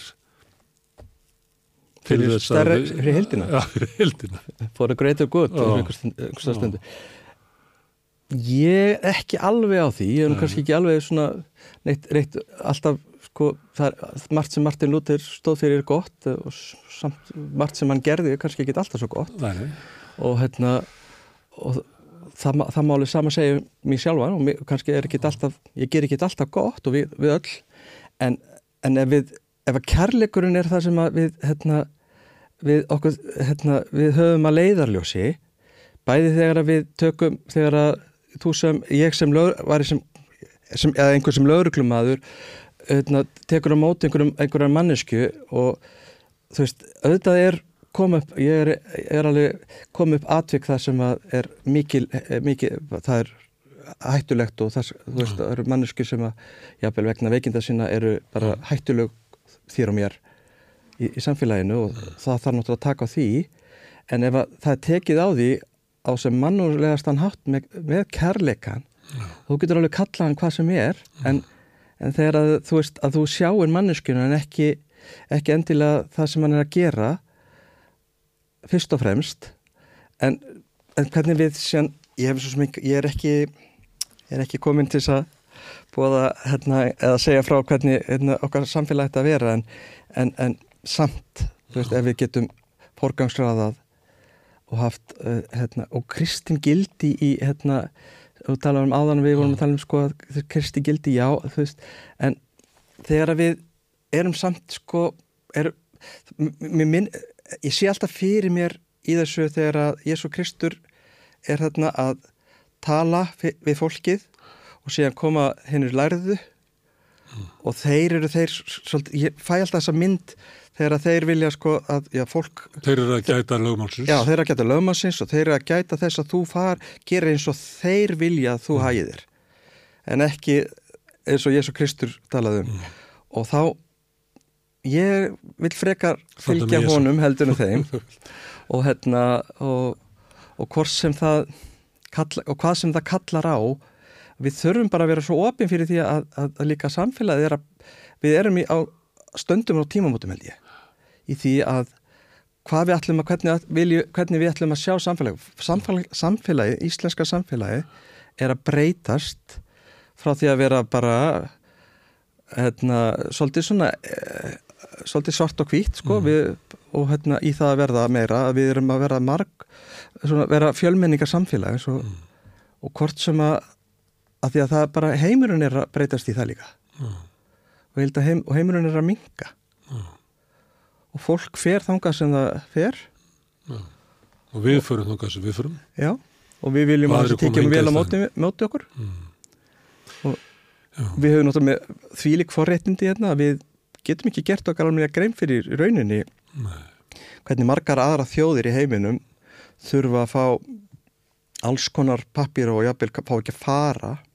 Mannskur sem fá ekki eins og yfirgeða landi sitt Það er ekki margir sem er að hlusta á okkur sem að sjá fyrir sér að í sínu lífi getur tekið ákvörðun að, að flýja frá uh, veiku fórður sínum og, og koma sér í skjóli nætur ykkur starfum borði í Dettifoss til þess að komast vonandi í eitthvað annar land sem að eitthvað framtíð er að finna.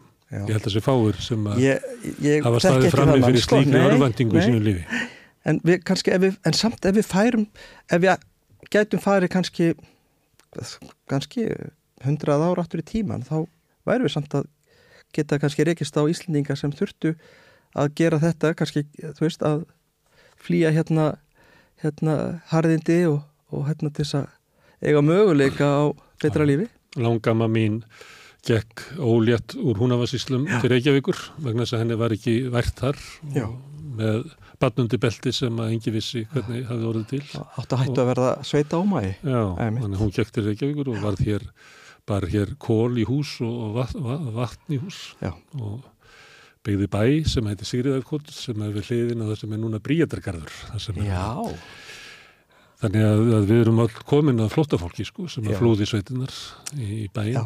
og leitað betri lífi og leitað ykkur frelsi. Já undan einhverju oki, það var vinnu, fólk, vinnu hjú sem að lifðu gældlífi þar sem að sváfu inni hjá aturreikandanum. Já, já, og já, berið pyrum í. Já, já, já. já, já. Við, þekkis, við mörg þekkjum sögur. Og svo þegar fólki hafði tækifæri til þess að losna þá fórðað og, og, og byggðu upp sjáabiðunar. Já, og þó svo að þetta jafnvel að setja sér í, í, í hættu. Þetta er ekki, ekki hættu löst að ganga ófrís konan alla þessa leið. Nei, nei, nei og óvissan um hver, hver þú myndir lenda það var ekki tekið á móti fólki hér nei, það var engin, hérna, engin sem stóð hérna við bæjarmörkin og, og vísaði fólki nei, ég held að fólk sem er af aldrei fólki komi geta alveg hort aftur Já. í sína ættasögu og ég held að þessu fáir sem að upplifi það að til dæmis að borgin hafi tekið vel á móti eins og Reykjavík. Já, ég held ég, að það sé alveg rétt hjá þér sko. Við höfum ekki hugmyndur um svona the good old days Nei, eða... Nei, og, og hjálpræðisinn kem, kemur til, Ís, til Íslands á 1895 Já. þá var ekki til neitt velferðarkerfi í Reykjavíkuborgar og hjálpræðisinn er kannski er í rauninni svona á þeim tíma uh, undanfari velferðarkerfis. Því að við strax byrjuðu mynduðist hóparinn kringan í hjálparæðsefnu sem að voru, voru aðlað þá konur sem að gengu þá í hús til, til hvenna sem voru eða, eða fjölskyldna, heila, heila fjölskyldna sem voru jafnvel ítla lasin og, og gátt ekki, náðast ekki björg sér veitt Já. til þess aðstofa Já. og þar er náunga kjærlungurinn Herðu, Ingu, ég, að því að þú ert að vinna með flottafólki, þá er ég að spurja þig um svona það sem ég er að týna upp úr umræðinni, mm. þess að sjá hvernig það horfið svona við þér. En starfið sem þau eru með, hérna, og, og, og það fólk sem hefur verið vísað út á Guðugatinn, mm. hvað hva, hva er það fólk? Og hvernig, hérna, hver er að aðstofa það?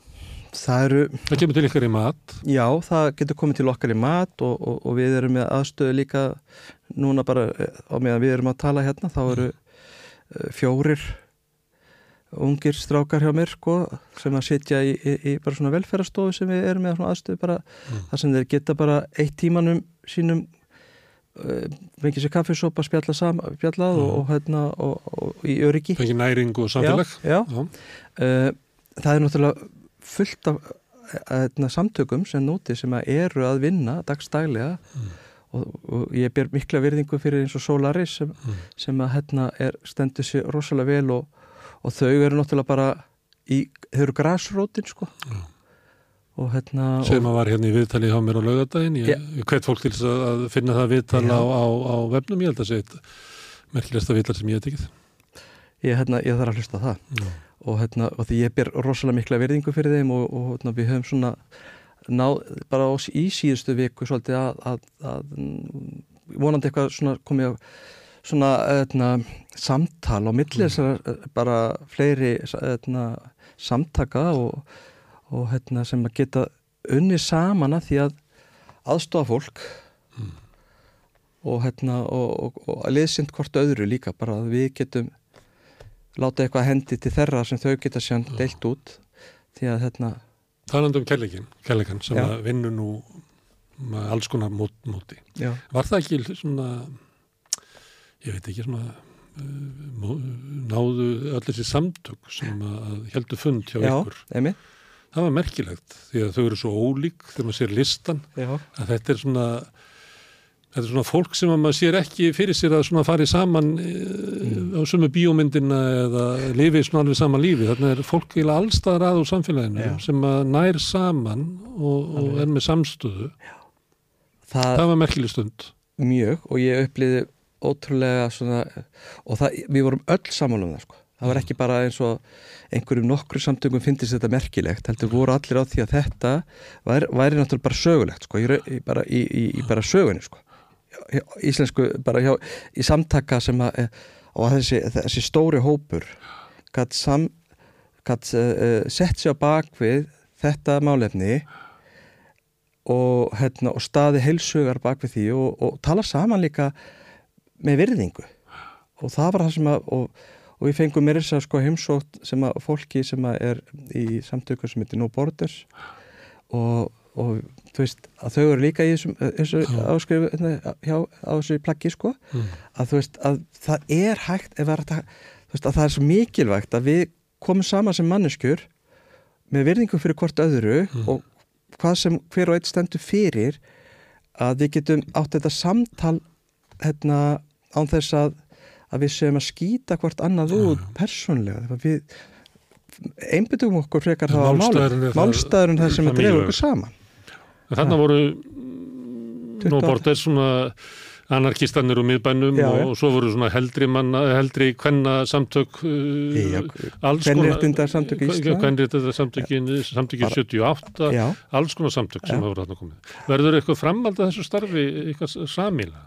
Ég ég vil það, ég, hérna, ég vil halda í hennan hóp og, og, og, og Rauðkrossinu og við sem, að, sem áttu frumkvæði að þessu. Já og hérna, við viljum hérna not, nýta þetta þetta, svona, þetta hennar drivkraft og við höfum sendt út og hérna aðrar hérna sem sagt, sem sagt uh, yfirlýsingar um það sko að, að, að okkar á milli líka að, að við viljum svona ég held að sé, sko, ég held að sé alveg sko vilji hjá mm. öruglega, já, ég myndi segja öllum sko. Já, ræktaðu. Já, að, að líka bara holdt fyrir okkur að fyrir okkur sem erum stöndum í þessari, þessari dag frá degi dags, alla, og þessa daga að, mm. að við getum lært af hvort öðru Já. og við erum, það er enginn svo góður að hann hafi alltaf, alltaf hreinu sko, langt í frá og við hefum að hafa, hafa hugrekki til þess að hérna, standa saman í þeim málöfnum sem, sem að við getum koma okkur saman um mm. og skipta líka bara samfélagið okkar miklu máli og það eru mörg, eru mörg mál sem að við getum, sem eftir að ræða sko mm. ekki bara málefni flottamanna við, alveg svo fólk hefur sagt út í bæja hérna, hvað með, hérna, hvað með uh, heimilusleisa mannin mm. en sko en það er, við, við erum líka þar mm. og fólkið sem að hérna er með svo lágar tekjur að það á ekki fyrir mat út mánuðin og, og það sem að minnstu fjárherslu áföll geta kiftfótunum undan fólki. Já, já. Þetta er náttúrulega fólk sem er kemur til ykkar og, og borðar í okkur og, og þú þekkir allt, já, þú þekkir allt um neyðin að það er ekki þannig jú, jú, að þú setja aðstóða flotta fólk verðan þú þekkir ekki neyðin hjá innfættum. Nei, svo sannlega ekki sko. Ég bara, og ég bara alveg sjálfur upp á heimili hérna, mamma mín var ekki frá þegar ég var tíara og hérna og var aldrei heima, hún var alltaf úti vinnandi mm. það sem að og maður fór og þekkir skort já, ég þekki alveg skort mm. og hérna og þekkir líka að skorturinn getur uh, skadað okkur og mitt já, já.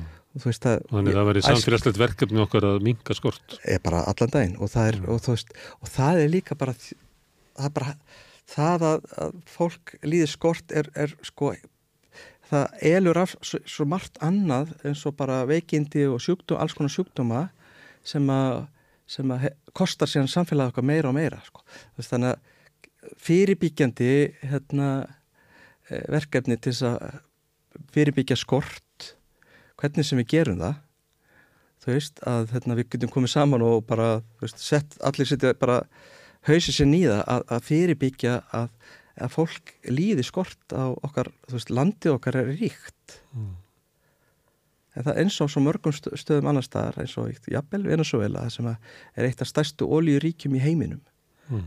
en það er svo mikil skortur og hvar er þá auðurinn? Mm. Það var maður sem er frá Venezuela Já. en hann hérna, hugsaði þetta held ég bara upp úr 1970 mm.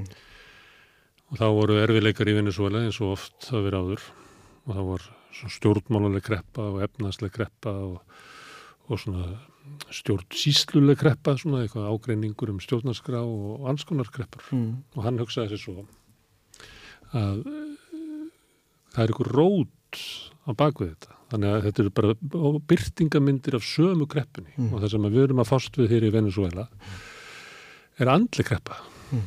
og þess vegna er þetta ástand í samfélaginu, þess að þetta er misrétti og hérna er og til þess að hérna fást við andlega kreppu að þá er líklega bara tveir valkostir það er annars verið trú og hins verið list. Og hann hétt Abrá þessi maður og var fylguleikari og hann sagði ég veit ekki til Guðs, veit ekki til trú. Þannig hann fór út í fátrækjarkverfin og stopnaði tónlistarskóla sem heita El Sistema. Og okay. hefur stórkostleir það sem að hann kendi á hljóðfæri fátökubötnum sem hefur aðgengið að mentun og margt fallet sem hann segir um það hann segir til dæmis að, að þó svo ég hef ekkert verið að gefa fátakadrengnum annað en að, að hérna kenna hann um að fyrlu mm. að þá þegar hann fór aftur heim til sín að þá var hann fátakistrákurinn sem var að spila á fyrlu mm. sem var allt annur stað en að vera bara fátakistrákurinn það gaf hann eitthvað pínlítið Já.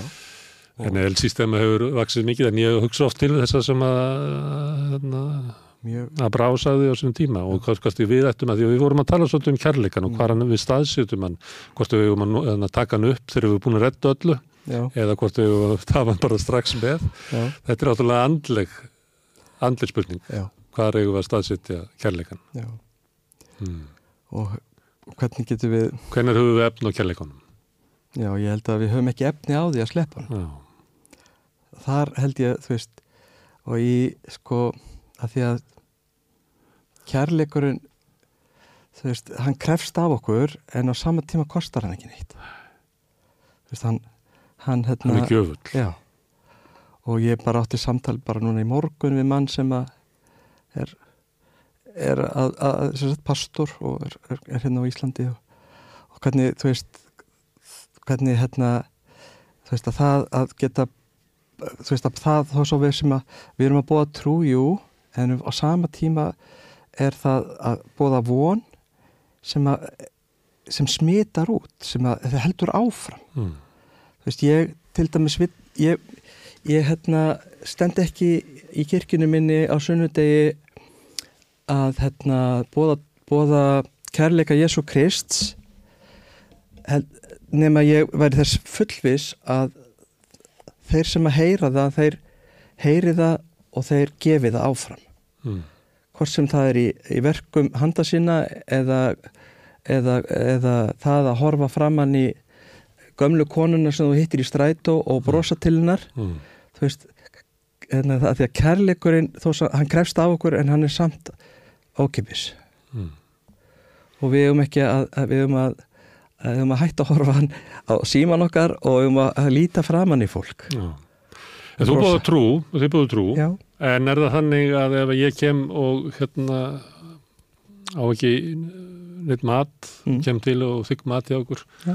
að ég verða að hlusta og þig nei. messa yfir mér á menn ég bara súbuna Drótti minn, nei það, Nei, alls ekki Og, og það við... er fólk sem kemur sem eru múslimar til Já, já, já Trúlusir Fólk sem vinnu hjá okkur sem er mm. ekki með sömu trú okkur og það er fólk sem er sjálfbóli fólk sem óttaskuð já mm. og veist, slæmar einsla trúabröðum já, jafnvel, já, já. hefur jafnvel verið barið eins og við stöndum sem við segjum sko, fólk sem hefur verið barið með biblíunni sko.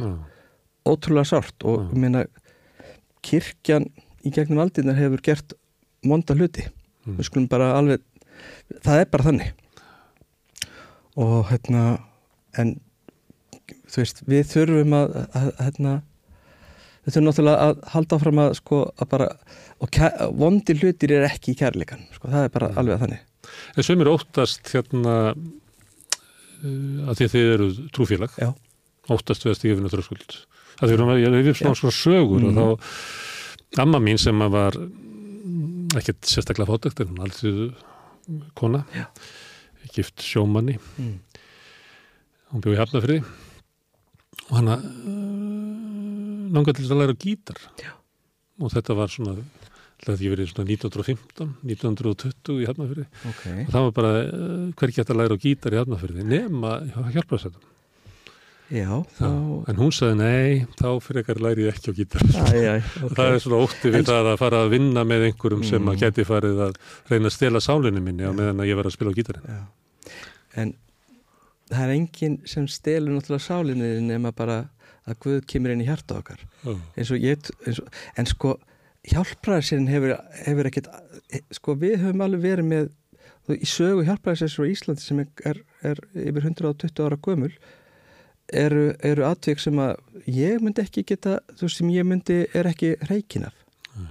við rákum bjarg á seltjarnanis í, mm. í langan tíma og það var ekki alltaf því miður, það gerist þar hlutir sem ég kannski hef ekki alveg alveg 100% vittneskjum en ég veit alveg að það voru hlutir sem voru kannski ekki alveg góðir og, og samfélag okkar á þá þeim tíma var líka og, og hefur sínt sig í dag og, og síðust nú kannski tíu ára að við erum sjá meira og meira af atvikum sem hafa verið bara ótrúlega hérna, mannskemmandi. Þessi fólk hefur bóðist til að hjálpa fólki en hefur umvöldað skap Já hvort þú voru hérna, heimili fyrir strengi út á mm. landi eins og Breiðuvík og mm. við þekkjum allt og margar sögur um, og voruð mjög nálátt okkur í tíma þannig að við getum ekki sagt að þetta var svona í gamla dag Nei, þetta Nú er bara fyrir, handan, fyrir rétt fyrir handan aftan okkur sko.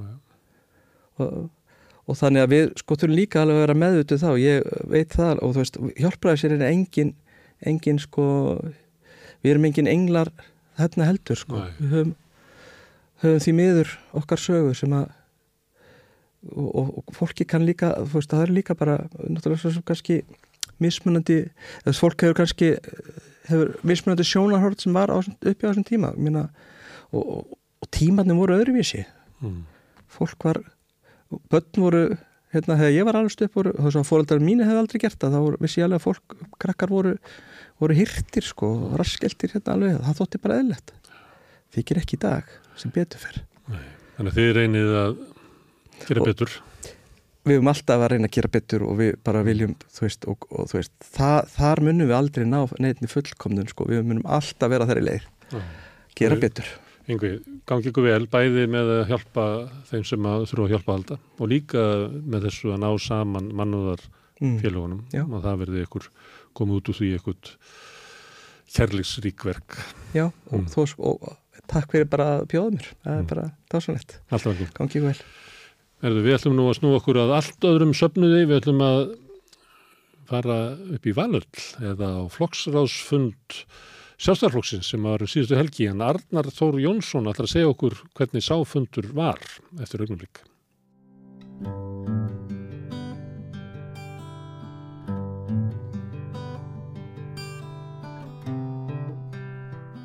Já, herðu, fyrir viku koman Arnar Þóru Jónsson var að þingmaður sjálfstæðarflokksins fyrir vandi hérastómari, hingað. Og ég var að ræða við hann um óanægu ímisra félaga í sjálfstæðarflokknum við stefnuflokksins í aðdraðanda flokksásfundar og í lok viðtalsins að þá lofaði mér að koma aftur eftir flokksásfundin og segja mér hvernig gekk. Og ég spyrði bara því að það voru, hvernig gekk, gekk þér að færa til sjálfstæðarflokkin Já sko Amma sagði nú oft um mig að hún talaði um draum hjarðsveinsins ah. það er eitthvað svona sem, einhver hugmynd sem að maðurinn í gengur um svona upp á heiðinni og ímynda sér að það sé hægt að gera sko en er alveg vonlust og þetta svona upplifunin var uh, ég geti líst þessu svolítið eins og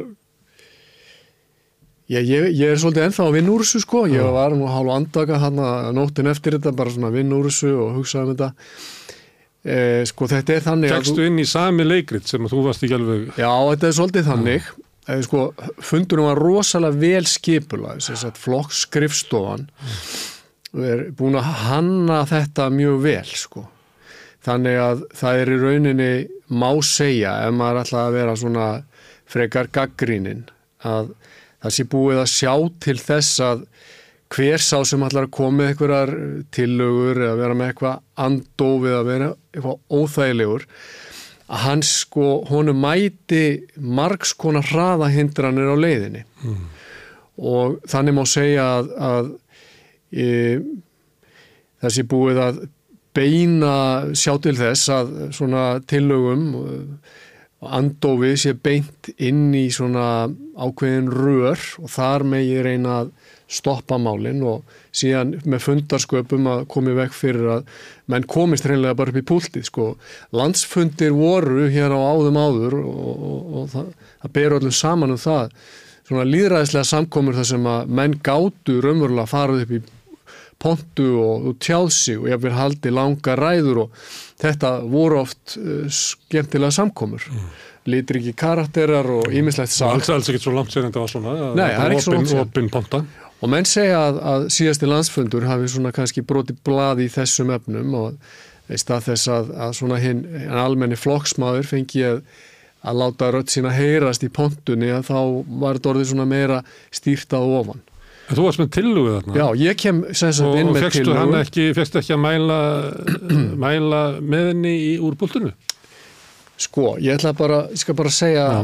og það getur verið frólægt fyrir fólk að bara heyra þetta hvernig þetta er. Sérst, ég kem inn með tilögu sem að ég óska eftir að fá að kynna á fundinum.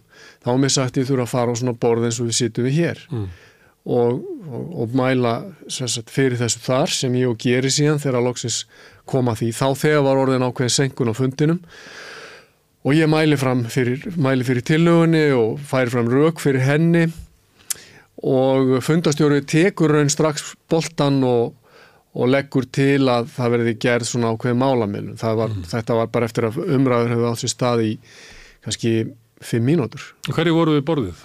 Ja, það eru, þarna sitja þá við borðið allmargir. Banda með þínir? Sko, já, já, alveg einhverjir, en ef ég hef verið rosalega kalkuleraður mm. á vondur íslensku og það er kannski eitthvað til þess að fyrir aðra hugsun síðar að, að þá hefði ég náttúrulega haft með mér sko stuðningsnet. Mm. Uh, ég hefði reynd að smala mínu fólki á borðið með mér. Mm. En um, ég gerði það ekki og kannski hefði ég ekki vita á því en allavega ég held að það hefði ekki skipt neinu máli því að eftir því sem leið á umræðunar þá sá ég að það dreif að fólk sko úr salnum og, og þegar að áður en þessu laug þá áður en að atkvæðagreislan í rauninni á endanum fór fram þá var alveg sko þjættur hópur sem stóð allstaðar í kringu borði og þetta eru núverandi þingmenn flokksins, fyrirverandi þingmenn og ímsir þeir sem að ég svona meta svo að séu svona á flokkslínunni mm. þannig að voru svona komnir til þess að sjá og tryggja það að það, það kæmi nú ekkit svona Þannig að það fór fram aðkvæða greiðsla við þetta borð Já. um hvernig tilagan þetta vera og tilagan sem kom út á borðinu var ekki tilagan þín Nei, það var í rauninni tilaga mín ef við myndum lýsa þessi stuttumál mm. þannig hún hafi verið fimm línur mm. að þá sé í raun og veru tilagan sem að er svona mála miðlun eftir alla þessa umræðu er einsetning úr minni tilu sem er svo að, að, að, að flokkurinn standi vörðum fullveldi Íslands mm. og, og ég er auðvitað bara ánaður... Það er ekki teikt þessari bókun sem að þú vildi... Nei, og ég get sagt að sko ég get aðeins talað um bókun og eftir mm. en, en ég get allavega sagt að ég er ánaðið með að, að þessi setning kom inn í stjórnmála álektu fundarins þetta er eina setningin í allri þetta eru nú stjórnmála álektun upp á rúmlega þrjár blaðsíu núna þétt skrifaðu texti á þetta það eina setningi sem að minnir á það sem að maður held að og hefur haldið að væri nú eina frum skuldbindningum þessa flokks að standa vörðum fullveldi Íslands. Þannig að það var út af fyrir sig ánægjefni Hitt er það að bókunin, uh, það kom svona fram í þessari umræðu að, að það er, og kannski á ég að taka því þannig og, og mér var tjáð það á fundinum eftir að þessum umræðum laukað bókunar frumvarpi muni ekki koma fram aftur. Ef það er rétt, þá líti á það sem ákveðin varnar sigur og mm. minni hálfu og þeirra sem stóðu með mér í þessu. Það er að segja að fórista flokksins átt sig á því að þetta mál sé of erfitt til að leggja fram og of svona tvíegjað til þess að, að það sé áða hættandi að fara fram með að nýju á þinginu sem að verður sett núna í höst. Þú viltu útskýra fyrir hlustundum hvað frumarpið um bókun, hvað 35 Já, bók, var? Hún, hún sem sagt gekk út á það að, að uh, sem sagt uh, Ísla, eða sko alþingi samþykti þá þarna að leiða í lögreglu sem að hveð, myndi hveða á um það að ef íslensk lög og, og svona almenna skuldbindingar sem að Íslendingar hafa innleitt í gegnum EES, ef að þetta tvent rekst á íslensku réttur aðansvegar og EES réttur hinsvegar, þá sé EES rétturinn réttherri. Mm. Þetta er almennareglan. Nema svo segir Ema að alþingi Íslendinga ákveði eitthvað annað. Þegar, sko, um þá setningu segir bara það Íslendingar hafa aldrei á 30 árum gengið í berhauku við þetta og fyrir utan það blasir við að ef að Íslendinga væru með þessum hætti búin að skuldbinda sig til að láta Evrópuréttin ganga framar þá þýðir það á mannamáli bara að við myndum fá á okkur skadabóta kröfu mm. vegna þess að nú eru stjórnmálin að teiknast upp þannig og það sem að ég segi um stjórnmálinn í, í, í stórum skilningi, víðum skilningi þannig að þau eru orðin og, og ég undanskil ekki sjálfstæðarslokkin þau eru orðin svona, þau eru með eitthvað svona EES blæti Európu ES, ESB blæti og EES blæti uh, eitthvað svona alþjóða áherslur miklar og Og gera þá ráð fyrir því að það sem að línu sem eru lagðað þar séu á einhvern nátt bara eðlislega réttari. Já og yfir trombi það sem við erum að gera mm. hér og, og, og alltaf tala um að þetta er einhverja skuldbindingar sem við höfum hérna undirgengist og svo framvegs og í þriðalagi að að ríkið eigi að vera eitthvað svona badfóstra okkar, eitthvað skonar uh, alltum le leikjandi vera sem að grýpur allt, skipti sér á öllu, tegi sér allstaðarinn, krefur okkur um sífælt aukna skatta og seilist til alls konar áhrifa í okkar daglega lífi. Mm. Mér sýnist að stjórnmálaflokkarnir svona almennt séu sammálum þetta og ég undanskil ekki sjálfstæðarslokkin. Ég held að hann hafi tekið upp alla þessar svona megin þræði og ég er ekki vissum að, að sagt, ég vilji skrifa undir þetta og ég er ekki vissum að stór hluti þjóðurna vilji skrifa undir þetta.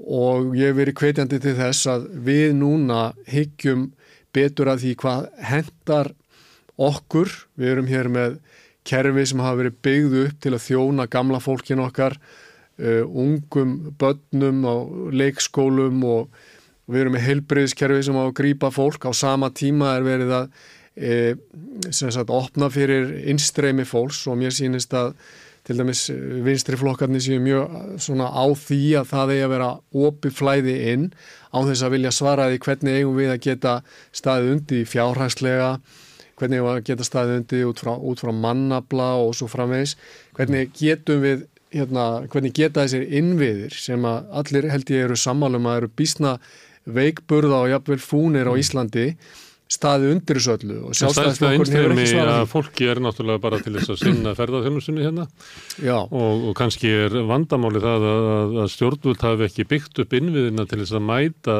því fólki, það veit ekki það á að búa Já.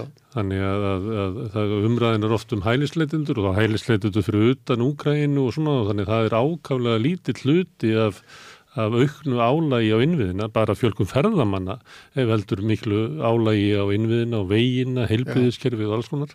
Vissulega. Þannig að, að það að, að, að fækka hinga komu tiltulega fára hælisleitenda mun ekki sko endur reysa innviði, landsins. En við sjáum samt Gunnars Mári hvert þetta, svona, hvert þetta stefnir og það er svona við ákveðin hættumerki á sem að blikka Sko það er að segja að e, sko, umsóknum hér um alls konar vernd og, og slíkt sko, fer mjög hratt e, fjölgandi og aðra þjóðir hafa reynd að stíga niður fæti í þessu og, og ná tökum á þessu. Eina sem öðruvísi er, hér er að það kemur fólkinga frá Venezuela og fekk frá 2019 sjálfvirt hérna, e, dvalarleifi til 5 ára. Já. Það er eiginlega eina sem að skera okkur frá öðru landum og það var ákvörðun sem hafa tekin eh, af ráðurum held ég, sjálfstæðslúksins til sko, stuðnings eh, hérna, stjórnarandstöðun í Venezuela. Það var tekin hér ákvörðun af þess að þetta er eins og okkur kæru nefnd útlendingamála sem að tók þessu ákvörðun Nei, og, það var ekki þannig. Regla var fyrst sett og gildi hér í, í nokkur ár. Já. svo vildu stjórnvöld breytinni og já. hætta að veita þetta hérna, leiði sjálfkrafa. Þá sagði hérna kærunemdin að þetta stangast á við stjórnsýslu þú getur ekki breytt reglunum í miðri á. Þannig að Jói sem að sóttum í dag hann verður að fá sömu þjónustuna og, og gunna sem að, að sóttum í gær. Þetta, það var nú intakið í, í í, í úrskurði kærnumlunar á þess að ég ætla að fara að deila við... mikið við lagfræði við dómaran Já, já en við, ég, sko þetta er kannski partur já. af þetta er kannski partur af ákveðnum vandamáli Við erum að draga samtalið kannski frá því sem við myndum vilja að tala um Já, vissulega, en ég vil bara segja að þetta er kannski partur af svona starra vandamáli sem er að stjórnsíslan hefur rauninni einhverjir ókjörnir embættismenn eru farinir að taka ákvarðan sem hafa áhrif á daglegt líf fólks og það er ekki að bera þetta undir sko domstóla, það er það sem er svo skrítið í þessu mm. og, og pólitíkin að, að sömuleiti gerð svolítið valda laus. Það er sér kjörnum fullur en við ætlum kannski ekki að Nei. fara inn í þessa sálma er það. En þá kannski um þetta hvort að hérna í þessu í þessum tilskipunum sem að flæ, flæða hér inn og svona ímsum reglum að það sé verið að draga úr valdi stjórnmálana og líðræðisvægtáksins það er gaggrinni sem að maður heyri frá þér og Simundi Davíð til dæmis Já. svona einu populíska hægri. Og Já. það heyri líka frá vinstrinu ég er að vera með Jónasson hérna í gær að sömuleiti í, frammaldi af samtalenu við þig það sem ég fannst svo margt líkt með því sem að þið voru að segja í ymsum málum. Mm. en hann var að draga það fram hér í gær. Hvað var í líkt með ykkur og í hvaða málum og hvað var í síðan eins og ólíkt hann vildi ekki sko láta flokka sér sem hægrimanna því að hann væri að berjast með hægrimannum í orkunni okkar og, og fyrir tjáningafrelsi og, og fullveldismálum og ýmsum slíkumálum mm -hmm. hann var að draga það fram. Já, sko ég, ég, held, ég held að við augmöndur og vonandi sagt, margir bæði til hægri og vinstri værum sammálum það að við viljum að hinn almenni maður, maðurinn á gödunni ántillits til efnahags, útlits hvaða er eh, að, að þessi maður og konur mm. eigi rödd, eigi vettvang til að tjá sig uh, geti haft, verið aðstöðu til að mynda félög og vinna saman og, og hafa áhrif að það hvert samfélagið okkar þróast og í þeirri í því sambandi vil ég taka fram að ég vil mjög gætman að fólk sem er ósamála mér eigi sína rödd líka því að mm. margt, ég hef eflaust rámt um um, fyrir mér um margt og ég er bara ánæður þegar fólk bendir mér á, á það skilur mm. og, og, og svo er ólík sjónamið þannig að, að við getum talað hér til eiliða nóns en við erum ekki samála af því að við erum bara með öðruvísi sjónamið Já og svo, líka, svo er náttúrulega heimurinn líka alltaf að mm. breytast mm. þannig að maður sér hlutina frá nýjum vinklum og viðfáðsefnin breytast og það sem að við erum vonandi sammálum þá við viljum búa til einhvern slíkan vettvang en það sem að við sjáum eða allavega það sem ég tel mig sjá er að stjórnmálinn og þróun mála er að færast sífælt í þann vettvang meira að, að fólk er svift völdum. Fólk er svift aðkomu að ákvörðunum. Og það má líta á hugsanlega á svona fund eins og ég satt hann um helgina mm. sem eina myndbyrtingu þess að það verið að íta og það verið að íta sko hinn um almenna flokksmanni til hliðar og, og í staðið fyrir að valdið komi neðan frá og upp að rattir fólksins fá að heyrast að ég hefði haldið að svona fundur ætti að vera aðal markmið svona fundar væri að leifa hinn um almenna flokksmann að koma og tjá sig og flokksfórutun að hlusta á það sem að fólki líkur á hjarta að þá er valdið að sífælt meira mæli horfir það við mér þannig að það komi ofan frá og niður. Ég er ekki ánaðið með það. Þú máttur ekki stíða upp í pontu sko, og ég... leggja fram þessa tillugu sem er náttúrulega hluti bara mikil umræðu með það meðlannast til félag já, já. innan flokksins sömuleyti um þessi mál en hann er í eðlilegu flokki eins og var í gamla dag, þá hefðu þú stíðið upp í pontuna áarpað hérna, fundagesti og þeir tekið hérna, afstöð til þins máls. En þessi stað var settur á borð og þín tillegast þint út Já. og það var, það var hún sem var borðið fram. Þannig að þú fegst ekki tækifæri til þess að flytja málvitt Já, ég vil, ég vil kannski segja um þetta bara svo að öll saga sér sögð að það sem sagt þegar þessu umræða fyrir fram sem ég var að lýsa á þann þegar hún fór fram þá erum við komið strax eitthvað tölvert fram úr bóðaræði dagskrá mm. og síðan gerist það í lokfundar eins að þingflós formaði stendur upp og kynir sagt, eh, stjórnmála álíktununa sem er þá búin að fara í gegnum síu sko annara nefndar á vegum flokksfórustuna sem heitir samræminganemnd mm. þannig að hann kynir svona síaða niðurstöðu þar. Þar var þessi málskreið, þessi setning mín en þá inni. Síðan sannsagt er klukkan orðin, sko fundunum átt að ljúka 17.30, klukkan er þarna orðin kannski 18.20 mm. þegar þingflósformaður er upp í pontu að segja frá þessu og, og á endalust er verið að segja frá þetta er til að hún svona og þetta var aðeins að lengjast og lengjast og lengjast. Fólk var orðið óþólumótt, það var margi farnir mm. og ég sitt þarna svona ekki sjónlínu við fundastjóra sem var Birgir Ármansson og svo þegar að loksins kemur að að fjallum þess að tilögum mína þá var ég bara komin að þá stöðu og ég var farin að ókýrast eins og allir. Og, og menn á mínu borði segi þú, ég held að hafa ekkit upp á sig núna að fara upp í pontu. Það, það, það, það er engin þólimaði lengur til þess að fara að hlusta á einhverja ræðu þó hún væri jafnvel ekki nema tvær mínútur. Birgir Ármansson sem var fundastjóri var búin að gefa mig grænt ljósa á að ég færi upp í pontu mm. og eflaust ef ég hefði bara verið í sjónlinu við hann þá hefði ég getað en það var svona nefnust að mína svona ljósið sem ég hafi heyrt um að þetta er ekki lagt fram aftur og ljósið ó, svona þeirra ókýrðar sem var komin á fundin að það væri ekki, kannski ekki tilum til þess að þessum tímapunkt að fara að rugga bátnum eitthvað meira sko. Mm. Fyrir utan það að á svona fundi er búið að búa til og svona, svona góða hérna svona stemmingu, svona fjölskyldu stemningu mm -hmm. og ég lærði... Það er náttúrulega sumuleiti í þáu flokksfórustuna, þannig að það að vera á móti falli ílla í gremmið. Já, það gerir það allstar. Vi, við þekkjum það bara frá því við vorum krakkar í skóla að sá sem allar að fara á móti hópnum mm. að hann sko væntalega meiðist, hann verður meittur sko. Mm. Þannig að hérna... Ég, Þannig að þú tókst ákvörðu það að meina þig ekki Já, já, meina þig ekki þannig að sko, allt hefur líka Þegar þú last síðan sko. heima uh, andvaka eftir. Uh, sástu eftir því að hafa ekki beðið um orðið? Fannst þér að, að þú hefðir kannski átt að, að, að þetta er mikilvægt mál í þínum huga já. að þú hefðir átt að leggja það fyrir uh, þína flokksvila Ég, ég, svona eins og mál þróðust, þá er ég ekkit vissum að það hefði endilega þurft að gerast. Ég, ég, þetta verður bara þessi umræða henn er ekki lokið og mm.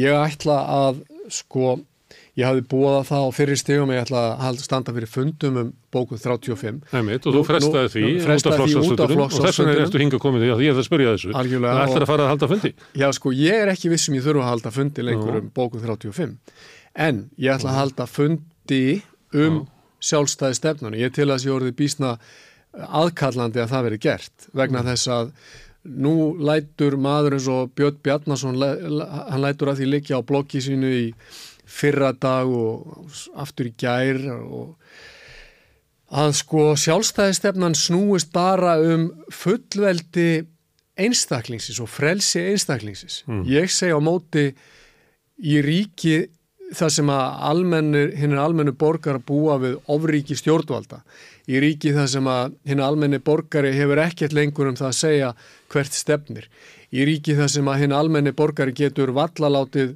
rödd sína heyrast á vettfangi stjórnmálaflokkana mm. þar sem stjórnmálaflokkarnir eru orðnara ríkistofnunum mm. þar sem að flokksfundir eru skipulaðir eins og einhvers konar leiksýning mm. þar sem þessi gætt að hinn almenni flokksmaður komist í rauninni lítið eða ekkert áleiðis í gegnum svona varnar múra sem að flokksfóristan hefur reist. Þar er erfitt að tala um það að hérna almenni borgari njóti frelsis. Þess að þetta lýsa svona eða bara hörnun svona líðræðiskerfisins því að líðræði er meira heldur en að fá að kjósa fjórar fresti. Líðræði er að stjórnmálaflokkanir séu líðræðisleg, að verkefnisreiningi séu líðræðisleg, að halmannarsamtök séu líðræðisleg, að fjölminandi séu líðræðisleg, að það séu ólík sjónami sem heyrist uppi, að við Já. séum raunverulega með vettvang að við getum skipst á skoðunum. Já. Þú ert að lýsa bara hörnum þess að við Já, séum... Ég, ég lít svo á að við séum að sökkun í svona líðræðiskjörin fascisma eða eitthvað svona Já, sem að það er kannski einn lýsing. Það er bara eitthvað svona einn lína sem Já. að ríkir inn í hverjum flokki og Já. síðan náttúrulega inn í samfélaginu og... Já, Já. Þannig að það verði til eitthvað sem að ég hef kallað gerfi líðræði mm. þar sem að ásýndin er öll til staðar. Við erum með stjórnmálaflokka, við erum með kostningar og við erum með þing mm. og þar á þinginu á sér stað umræða en í raun og veru allar ákvarðan sem máli skipti, skipti teknar einhverstaðar allt annar staðar mm. og þingmenn fylgja bara flokkslínunum sínum mm. og formennin er jáfnvel búin að tala sér saman um hvað þeir að gera, mm. alls konar málamillanir sem ekkit endilega þóla dagsljósið sem að hafa í rauninu verið gerðar utan þingsalarins og við sitjum uppi með einhvers konar skil af líðræði sem við viljum ekki hafa mm. og þess vegna hef ég verið að hugsa það eftir hann fundað sem væri mikilvægt núna væri að standa fyrir fundum um sjálfstæði stefnuna ef að það er raunverulega þannig eins og mér sínist að samtala okkar Björns Bjarnasonar að það sé einhver áhöldum það hvað, fyrir hvað sjálfstæði stefnan stendur. Mm. Ég, í mínum bókum er engin áhöldum það að hún stendur fyrir það að verja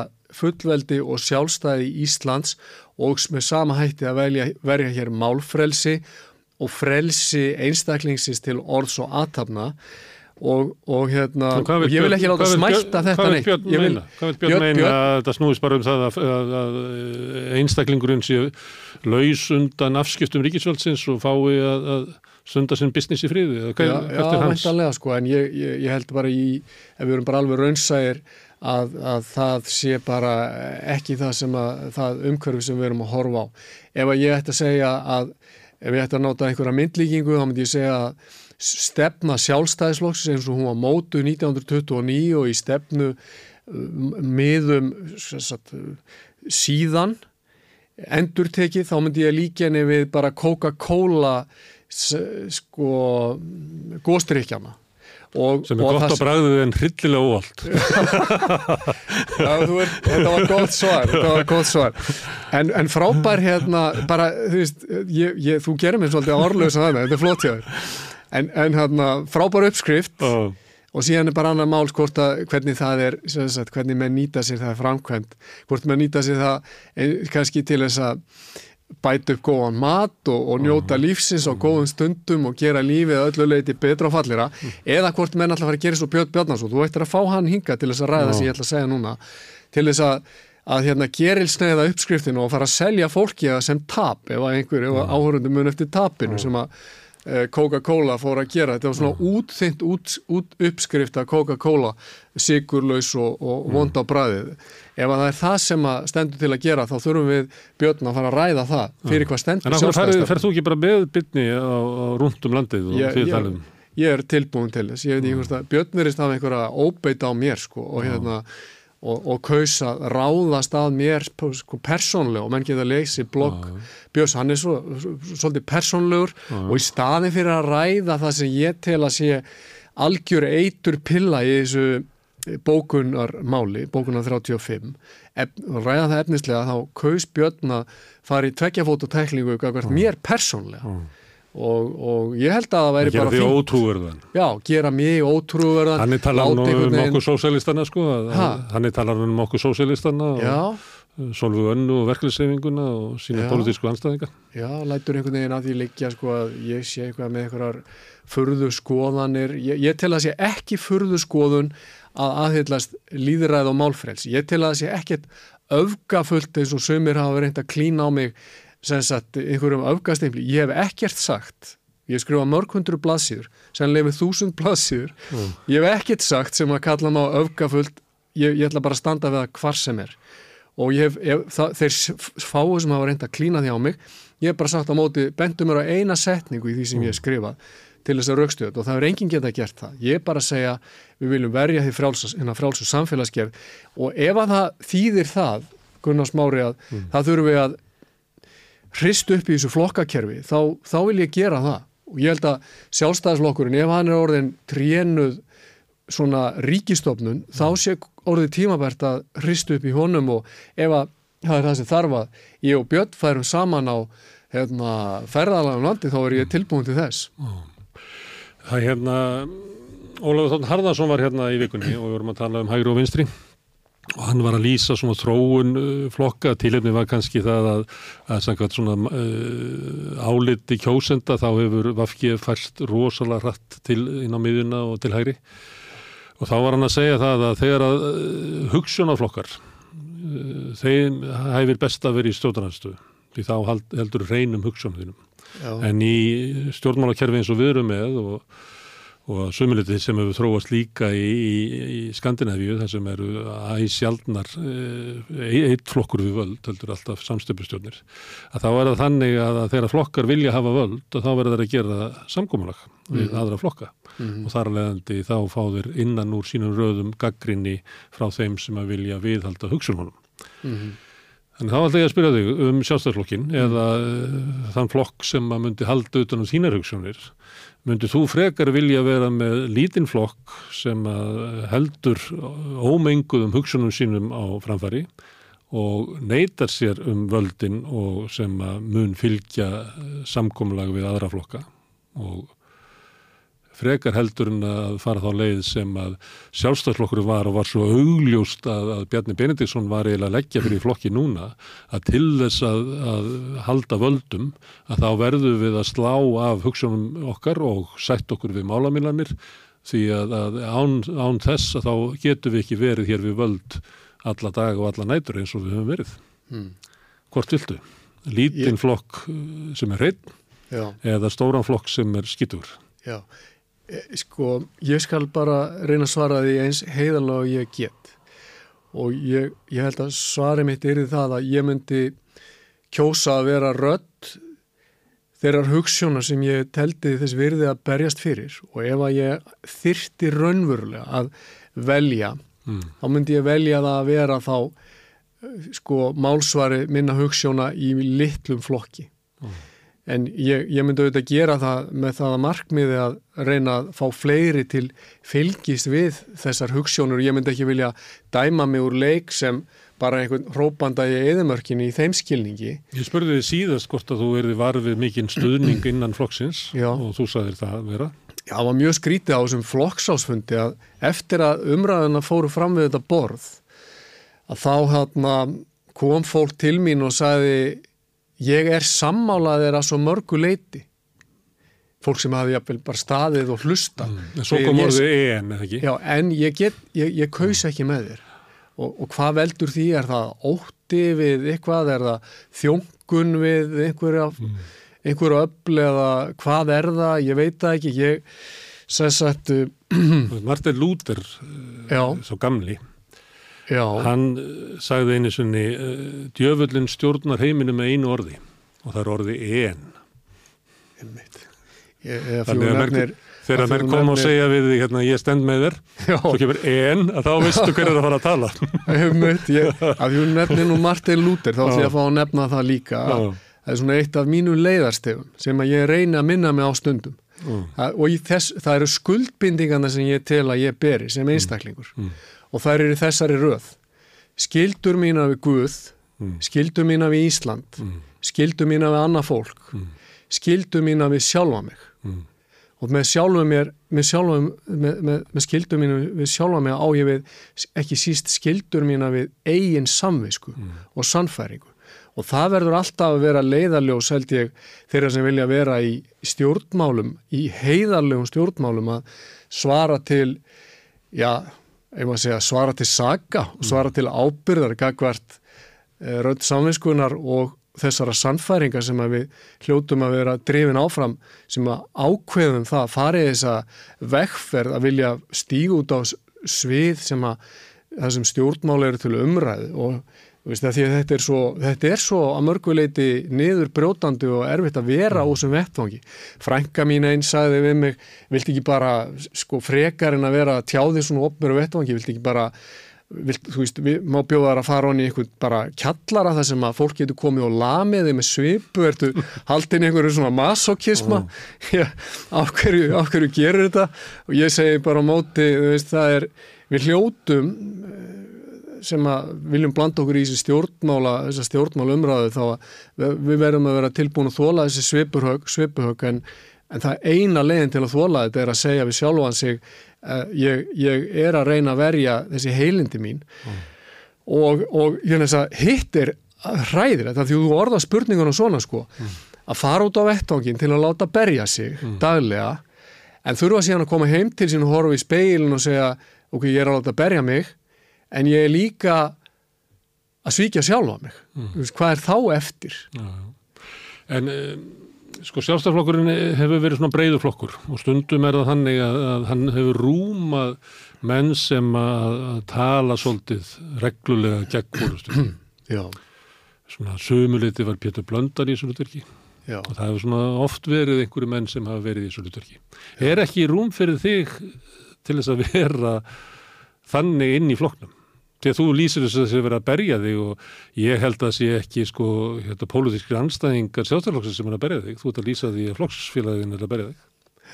Sko, þetta var mjög Má ekki vera eitt sem að segja satt í flokknum með það? Jú, jú, ég held það, sko, er svo skrítið og hérna, það er eitt af því sem ég var að hugsa um hana, lág hana andvaka að reyna að melda þetta, var sko að þú kemur inn á svona samkómu, þetta er svona eins og að koma á skólaball. Oh og þú ert í gagg og, og hérna allir svona vinsamleir og það brosallir og eru svona gutti mm. en svo þegar hérna komið er út á sko út í alvöruna þegar það er ringt bjöllun og þá hefjast einhver umræða ert komin alltaf inn út á fókbóltavellin sko eða klímavöllin sko, þá, þá er bara þá er þetta bara stál í stál og samherjarnir breytast bara í alveg grjótarða andstæðinga sem er ekkit endilega málefnarleir mm. þannig að uh, Er, það er það sem að maður er að reyna á utanum uh, En áða ekki að vera þannig og svo er flautað hérna til leiks og jú. þá verður allir vinir aftur, er þetta ekki þannig? Jú. sem að menn eiga að glíma um ólíkar áherslur Jú, jú það er allt í lagi, sko menn, menn eru málefnalegur og heiðalegir og viðurkenna ákveðna grundvallar staðrindi sem að mér fannst ek menn ekki viðurkenna mm. í samtölum okkar þarna á lögadæginni á þessum flokksásfundi. Til dæmis það að menn siti fyrir fram að mig svona, í svona umræðum og segi eitthvað á þessa leið, já, ES samningurinn stennst stjórnaskrána af því að það var niðurstaða lögfræði álita 1993 að það stæði stjórnaskrána og láta þar með að því liggja að ekkert hafi breyst síðan 1993. Ég segja á móti, og ég held að væri allir sammálum það, að 1993 var það niðurstaða lögfræðinga að EES samningurinn ef hann stæði stjórnarskráð þá væri hann á istu nöf þess sem að stjórnarskráðin lefði.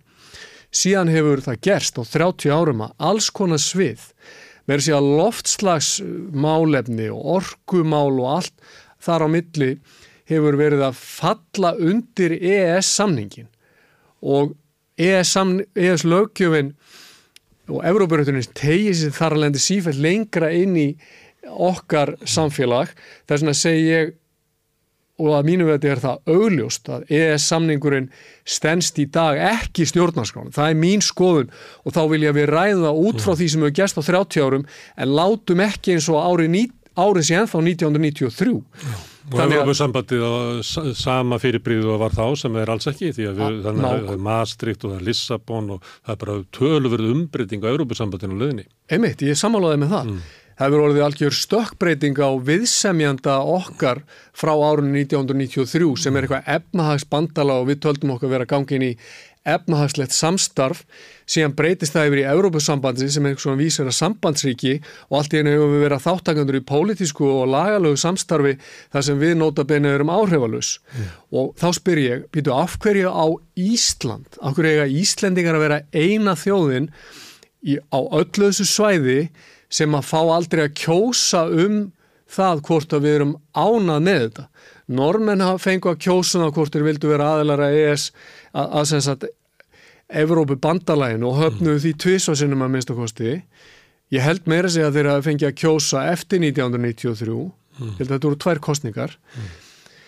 Uh, allar Evrópu þjóðir hafa meira og minna fengið að kjósa um Maastricht og allt þetta og hérna en hitt er hana mál og ég vil segja það hér að Európussambandi í núverandi... Og stækkunina, það er náttúrulega hversu líkum það. Vissulega, mm. en ég vil segja það hér að, og bara þannig að það komi fram að Európussambandi í núverandi myndi er ákveðinu vekkferð sem að mínu viti er ekki, ekki líðræðisleg.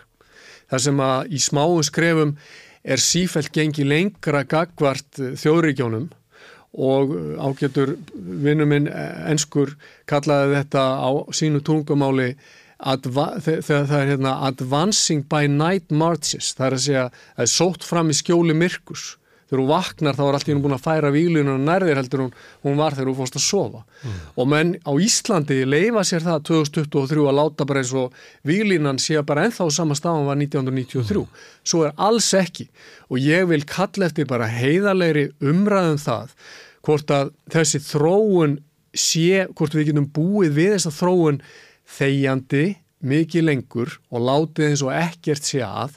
Ég vil meina heimsmynd Björns Bjarnasonar og hans mynd af EES sem að er árgerð 1993 sé gjörsanlega úrelt mm. og ekki neinu samræmi við þann veruleika sem að í rauninni andar ofan í hálsmálaðu okkur í dag mm. sem að í rauninni hótar því að setja okkur lög núna sem að við höfum ekkert um að segja.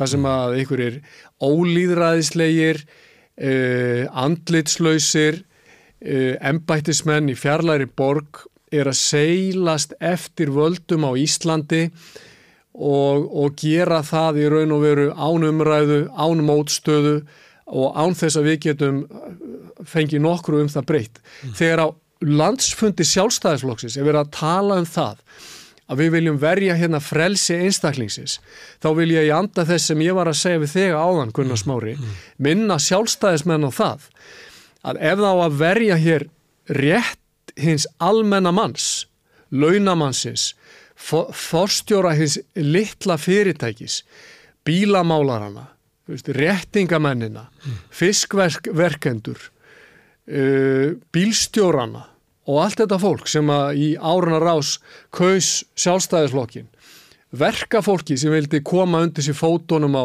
með því að vinna meira og fá að vera lausundan skattheimtu. Ef þá að gæta hagsmuna þessa fólks, þá þurfum við að átt okkur á því að staðan sem hefur teiknast upp í nútíma samfélagi er svo að það verður að gera hinn almennamann pínulítinn á meðan verið er að fóðra í skjóli myrkurs ólýðræðislegt fjarlægt skrifræðisbákn í fjarlægulandi sem að seilist til valda og vil setja okkur alls konar reglur, höft, skil, láta okkur skila skýstlum, láta okkur svara til einhverjar, hérna, einhverjar, einhverjar hérna, ábyrðar gafkvært einhverju valdi sem við höfum aldrei kosið yfir okkur, íþingja okkur í einhverju okkar daglegu störfum með alls konar eftirliti sem við kærum okkur ekkit um og lagreglum sem við höfum aldrei samþýgt að fylgja ef að sjálfstæðarfloknum er einhver alvara með því að vilja verja frelsi hins almennamanns þá skulu þeir bara gjura svo vel að fara að takast á við þetta vald sem að þarna gín yfir okkur og taka umræðu um það á landsfundi og flokksásfundi hvað, hvað við stöndum þar frammefyrir en ekki vera röflandi um eitthvað, eitthvað upp á sviði mm. og þá á ég við alla flokksfórustuna og sóa tíma 400 manns í, í samsagt málefni sem að augljóslega koma hinnum almenna flokksmanni hérna ekki við og hann má ekki hafa nefn skoðanur um. Mm. Þetta er viðfangsefni e, okkar hérna samfélags í dag. Og ef að sjálfstæðisflokkurinn ætlar að standa undir einhvers konar samfélagsleira ábyrð, ef að hann ætlar að verja frelsi hins almennamanns, þá skal hann gjura svo vel að, að fara að taka á þessu málum og hætta þessari þjónkun við þetta erlenda vald fara að standa undir hérna, ábyrg sem líðræðislegu flokkur, fara að svara til ábyrðagagvartinum almenna vinnandi manna á Íslandi og hætta að vera ríkistofnun sem er komin með, eins og ég saði á þann, með eitthvað Evrópublæti, EES-blæti, þjónkun við Evrópusambandið, reyna að fela þetta undir móttunni hérna, takandi þátt og leggja alla sína krafta í að sinna einhverjum alþjóðamálum en láta innvið þessa samfélags fúna á meðan. Þetta er óbóðilegt og ef hann, ég segi bara, ef að flokkurinn allar halda áfram á þessari vekkferð, þá má hann grafa sína gröf sjálfur. Ég, ég, hann þarf enga hjálp frá mér eða öðrum við það. Mm. Þetta er viðfánsefni mm. dagsins og ég, ég ætla ekki að setja annars svona fund til dæmis undir einhverjum 30-40 mínútna umræðum um neturöki á Íslandi sem við þurftum að gera þarna mm. um neturöki um það hvað við varum að gera frábæra hluti til að sinna hér neturöki uh, á sama tíma og þetta sama fólk segir að, uh, að rússar hafi sprengt heila gasleislu í hvar var þetta ekki eistrasaltinu mm. undir nefinu á á, á sko öllum þeim þjóðum sem að umkringja hérna eistrasaltið mm. á, á sama tíma vera að, að ala á, á ófriði við rúsneska herveldið vitandi það sem að ég veit og þú allir að rússar með alla sína kafbátt og geti bara klifta og alla þræði til Íslands bara fyrir háti á morgun alla þessa fínu hérna, fjarskiptaþræði þá verður bara ekkert neta á Íslandi. Ég meina, komum en bara inn á veruleikan aftur. Þetta er svona ræða sem þú halda að þú ert í dýrónum á leðin út úr floknum ég, ég, ég ætla ekki að láta hrekja mig úr sjálfstæðarsfloknum fyrir enn í lengstu lög. Mm. vegna þess að ég tel að ég hafi ekki farið út af neinu hugmyndafræðilegu spori. Mm. ég tel að, að flokkurinn hins vegar sé komin í einhverja, eh, hans sé á vekkferð sem að hann þarf mjög nöðsynlega að fara að mm. skoða mm. og þessi fundur um helgin hefur verið gulli tækifæri til þess að einmitt að hlusta á ræður og kannski svona leiðinlega ræður eins og ég var að flytja núna mm. og þurfa að hlusta á það og svara því. Mm. Ja, þetta en, ræðan sem hún er að flytja núna, hún, ég menna það eru, eh, hún er sambarleg og pólitísk umræði er víða í Evrópu það sem að, að populíska hægri já. ef við tökum allir svona menningastriðin Má ég skjóti inn í já, já. að því að þetta er svona stimpill sem er notaður oft til þess að gengisfella ég, ég er ekki þetta, að því Ég, ég er bara að segja, populís ef, ég vil kalla þetta að má kalla þetta populísma, ég vil kalla þetta uh, kröfu um að henni almenni maður verði sé vald eld, eld. Það er populísmi, það er að, að ríkis er stjórnað í takt við vilja lýsins einmitt, og ríkið má, má segja þá Það er bara e- elituflokkandi sem að nota populisma sem eh, skammariði sko. Ef ég tek, tek menningastriðin og innflytjenda deiluna frá og þá er Já. þráður á með í þessu þeim flokkum sem að hafa verið að vinna á að undaförnu, sem að hafa verið það að þeir vilja uh, hafna auknu valdi Brussel og vilja aukið vald þjóðuríkjan aftur út af þessu sömu fórstuðu út að lýsa. Mm -hmm. Eru að sömuleiti líkir republikanaflokknum í bandaríkanum sem að vilja auka völd fylgjana en draga úr valdi Washington. Já. Og þetta er bara eins klassik stjórnmálulega umræða og, og hægt er að bjóða upp á. Já. sérstaklega ykkur, hérna, ykkur hægra, hægra megin og hvað, akkur, akkur er, getur sjálfstaflokkur ekki bara tekið þessu umræð eins og er gert bara í, í Fraklandi og Þískalandi og uh, uh, Svíþjóð og, og Bretandi tók þessu umræð og fór í kostingar um þetta. Já og af hverju getum við ekki farið í hana? Þetta er, þetta er líftaug sko, stjórnmálana hún snýst kannski um þetta. Við getum rækið þetta með þessi aftur til Thomas Jefferson og Alexander Hamilton sem að voru, voru þessir partur af þessum fámennahópi vissulega í bandaríkjónum mm. þar sem að Jefferson er málsvari sko hins dreifða valds þess að sagði we the people ha, Já, hann, einmitt hann, en hann var, svo, hann var rosalega merkilum maður, Thomas ah, Jefferson ah, hann var ótrúlega merkilum maður þó hann hafi auðvitað verið breyskur eins og við, all, við allir og við all ah. að, að hann er þessi maður sem að er að segja við viljum we the people og að leita hamingunar og vera lausundan ríki, kúandi ríkisvaldi og svona. Og að ríkin hefðu svona væri fullvalda og réðu sinni, sinni vekkferð en Hamilton var maður sem að vildi beina fremur sko, vildi styrkja sko þau allríkið mm. og það var mjög áhugaverð umræða. Hamilton er reyndar sko, deyr mjög ungur. Hann er skotin í einvigi mjög ungur og mm. æfisa hans er í rauninni mjög merkil og það hefur verið gaman að segja hérna örstuð frá henni. Þú veist að á flokksráðsfundunum hefði verið notað þær aðferði til þess að leysa mála menn færi bara einvið. Já sko, ég held að einvið í þeim skilningi að sko fulltrúar ólíkra sjónamiða ef að það væri til þess að uh, leysa einhvern af þessum hnútum sem að hefðu þurft að leysa í staðin fyrir að þá opna púltið að segja hér er fulltrúi þessara sjó, sjónamiða, við ætlum að gefa honum 5 mínútur eða 10 mínútur. Svo er hérna fulltrúi sko uh, þessar hinnasjóna meðan og við ætlum að leifa þeim að takast á. Oh.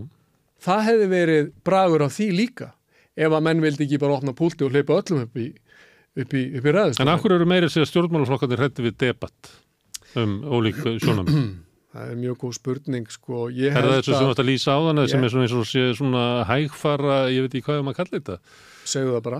Ég, ég, svona, ég veit ekki hvað að kalla þetta. Líð, líð, líðræðislegur að maður er bara Já.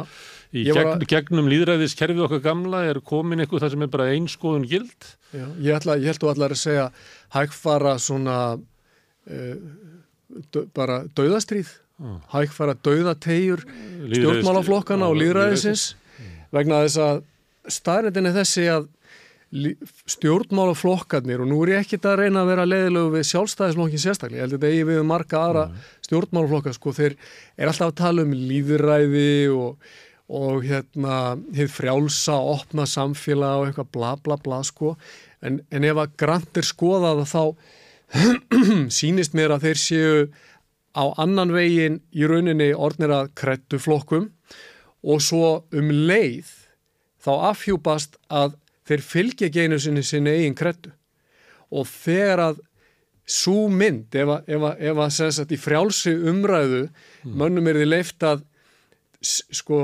draga upp þá staðrind að krettan fer ekki saman við raunveruleikan uh, þá geta menn ekki með góðu móti stað upp á sviði og reynda verja það sem þeir eru að gera og þannig að menn vilja ekki standa klæðilösu fyrir framann kjósendur sína mm. og þess vegna er kannski þægilega að stíga ofan á umræðu og beinen í eitthvað annan, eitthvað annan farveg mm. og þess vegna eru þess vegna voru til dæmis uh, hérna, flokksrástefnur allraðisíkja 20. aldar skrautsýningar og þess vegna eru á tímum hins degjandi líðræðis kannski fundir stjórnmálaflokkana leikstýrðar svona æfingar í því að kalla eftir einhvers konar samstöðu mm. um einhver mál sem að í raunin er samt ekki kjarnamálin mm. og, og samstöðu um einhverja svona grunn hugmyndafræði sem að síðan er ekki nægilega vel fyllt eftir mm. Samkominna snúastu um það að selja flokksmunum sátt við óbritt ástand og óbritta fórstu Já, já menn eru raunverulega ekki degla lengur. Er ekki lengur degla að, og þessi degla sem það er ætti að vera og hvert er svarið við því? Ég held að eitt svarið væri það að menn stopni já hugsalega eins og við höfum gert deildir innan stjórnmálaflokkana til þess að reyna knýja fram alvöru umræðu um grunngildi eða um stefnumörkun og eitthvað slíkt og þá ekki að stíga ofan á það Uh, Finnst þið verið að stíga ofan á félagi já, okkar? Sko félagi, þetta félag okkar, félag fullveldis, félag sjálfstæðismannum fullveldismál hefur ekki notið uh, fullrar uh, flokks aðildar má segja, við erum ekki með atkvæðisrétt held ég geti satt á landsfundi til dæmis mm. Og lengi framan af og bara það til skamstíma var, hefur þetta verið olbóabann sko innan flokksins og talað um að þetta séu nú svona förðu skrítið og skrítið fólk og allt það sko já. eitthvað svona fólk sem er á einhverjum jæðri og já, já. þetta er svona umræðan, hún er notuð mm. Þetta er svona sko, vinsælu krakka klíku stórmálflokkar eru á mörguleiti svona vinsælu krakka klíkunar og það er, það er notar aðferð við að íta þér frá borðinu Akkurat, með því að segja að þú sért bara asnalegur eða já. ekki nógu sniður eða já, ekki í réttu fötunum eða ekki mjötu skoðaninnar, ekki að halda fram hérna, lesa réttu bækurnar og já, bara fyttar ekki inn.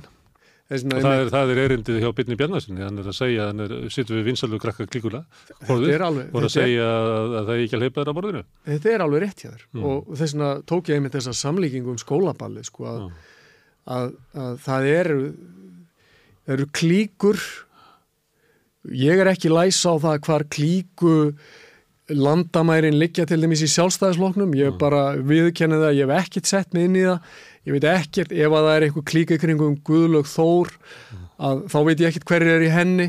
Ef það er einhver klíka í kringum Bjarnar þá veit ég heldur ekkert almennilega hverju er það Það má veru að vera heilsað vittlesu fólki allan daginn. Öruglega, já, bara, wow, einhverju hefur sagt, hvað, þessi, hvað hvað er hann að gera, okkur er hann að tala við hann eða, og, það, og þá verður þetta svona skrítin stemming skiluru, kannski einhver situr við hliðin á þessum og þá fyrir að hugsa, já ég má kannski ekki sita við hliðin honum, þá fara allir alltaf að ég sé sammála honum og eitthvað. Þessna, það, er svona, það er það sem ég er að segja það verður til svona skrítin dýnamik sem minnir á gagfræðaskóla hins óþroskaða manns þar sem að menn þóra ekki annað en að fela sér inn í klíkunni mm. og treysta sér ekki til að vera þeir sjálfur og, og hérna, svolítið fyndið ég, ég ætla bara að fá að segja hérna við þig að, að, að hérna, það er oft gott að afhjúpa sjálfan sig að ég er að fara í veiði á hérna, ykkur tíma í byrjun hérna, september mm. og ég var svona að fara í gerðkvöldi og var ég að fara svona í gegnum síman minn mm. og ég var að hugsa svona að því að það er einn stöng laus mm. Við erum að fara að það þrý fjallaðnir og það er einn stöng laus og mm. ég var að hugsa hverjum á ég að bjóða að koma með? Hvernig var ég gaman að hafa með?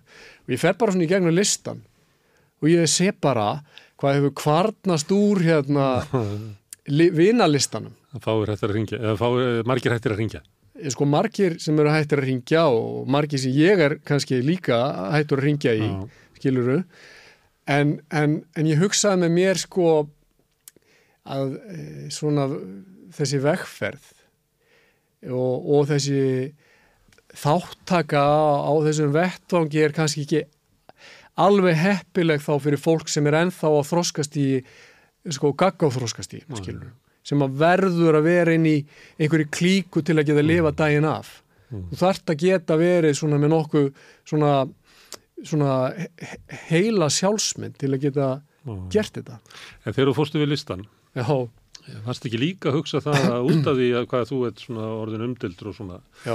að það væri ef að þú væri að ringi í vindin og spyrja hvort það vildi fá stöngina að þá væri svona þrungin spurning að það væri eins og að í því að fara í veiði með þér að þá var að jáfnframt að samþykja þig Já. og vera anstæðingu Björn Spjarnasonar og félaga Já, að það verði, allt verður svo þrungið merkingu. Já, ég var einmitt ég, ég, þessi, þessi hugmynd sko, hún komaðis inn sko, það er að segja ég þarf að vera Get ég lagt þetta á nokkur mann? Get ég lagt þetta á viðkomandi að hérna segjum bara að eh, ég er hérna með stóra lagsin oh. sem að mér hefur dreymt um að fá oh. í hérna öllis ár og býtu allar hann að vera með mér á minn þóraða það oh. Þetta er einhver bara, þú veist, ég er ég bara, er ég orðin svo persóna non grata að það séu bara um hugsanlega fáir sem að myndu vilja til dæmis samfagna mér á slíkri hérna, slíkri stund En herðu, þú ætlar að fara í fundi, fundi Ertu búin að ákvæða hverja það verða? Já, ég ætla að hafa fund, allavega að byrja á einum fundi og ég ætla að fá valhöll Já. að því gefna að við fáum valhöll Já. í byrjun september Og lögðu þetta smóti? Já, uh, góðum tíma. Ég Já. veit ekki hvað er góðu tími vikunar hugsanlega einhvern eftir með daginn Ég myndi ekki aðtóða hvenar Guðluður Þór helt fundin sinn fyrir landsfundin Já. Það er rétti tímin það er rétt í tímin já. Já, það var annarkort á, á, á, á laugadegi eða sunnudegi. Og ég man ekki hvort það var klukkan 11 eða 2 Já, það er góða punktur, já, ég ætla að gera það. Ég held að sé ykkur hefð fyrir þessu hvernar er snjallast að halda þessa fundi. Ok, og þá bara núna fyrir hluta Þá ert að vonast til þess að eiga samtal við uh, þína flokksfélaga já. um þau mál sem að þú tilur er mikilvægt Já, bara getur það verið að, að, uh, það sé farið að fenna þannig yfir sjálfstæði stefnuna að, að að það standi ekkit eftir nema einhver útgáfa, pínulítil smættu útgáfa sem að Björn Bjarnason er núna að presentera á sinni bloggsíðu. Ég held ekki, ég von ekki. Já. Það eru við sjáum til. Gangið vel á, á fundurum. Sumleis gangið vel. Það gafna að fá þig hingað. Komdu svo oftast. Takk fyrir. Herðu, þetta eru lokin á Rauðaborðin í kvöld. Eh, við minnum ykkur á að þið getur hjálpa okkur að byggja upp dreifikerfið. Þið getur það með því að læka efni frá okkur og síðunar okkur á Facebook og YouTube, þannig byggjast upp dreifikerfið. Þið getur stilt á 89,1 á FM í bílnum ykkar og hlustað á samstöðuna. Við erum komin í líka í útvarpið. Þið sem að viljið styrkja okkur fjárvarslega til þess að byggja upp samstöðuna getur gæst áskrifundur. Það er þið farið inn á samstöðum.is, það er að segir áskrift. Það kostar 2000 krónur á mánuði að vera áskrifandi og þeir áskrifundur sem að vilja geta gengið í alltíðufélagið og alltíðufélagið á samstöðuna þannig að þeir sem að gerast áskrifundur geta líka eignast samstöðuna. En þetta er nóg í kvöld, sjáumst á morgun kl. 8, góða nótt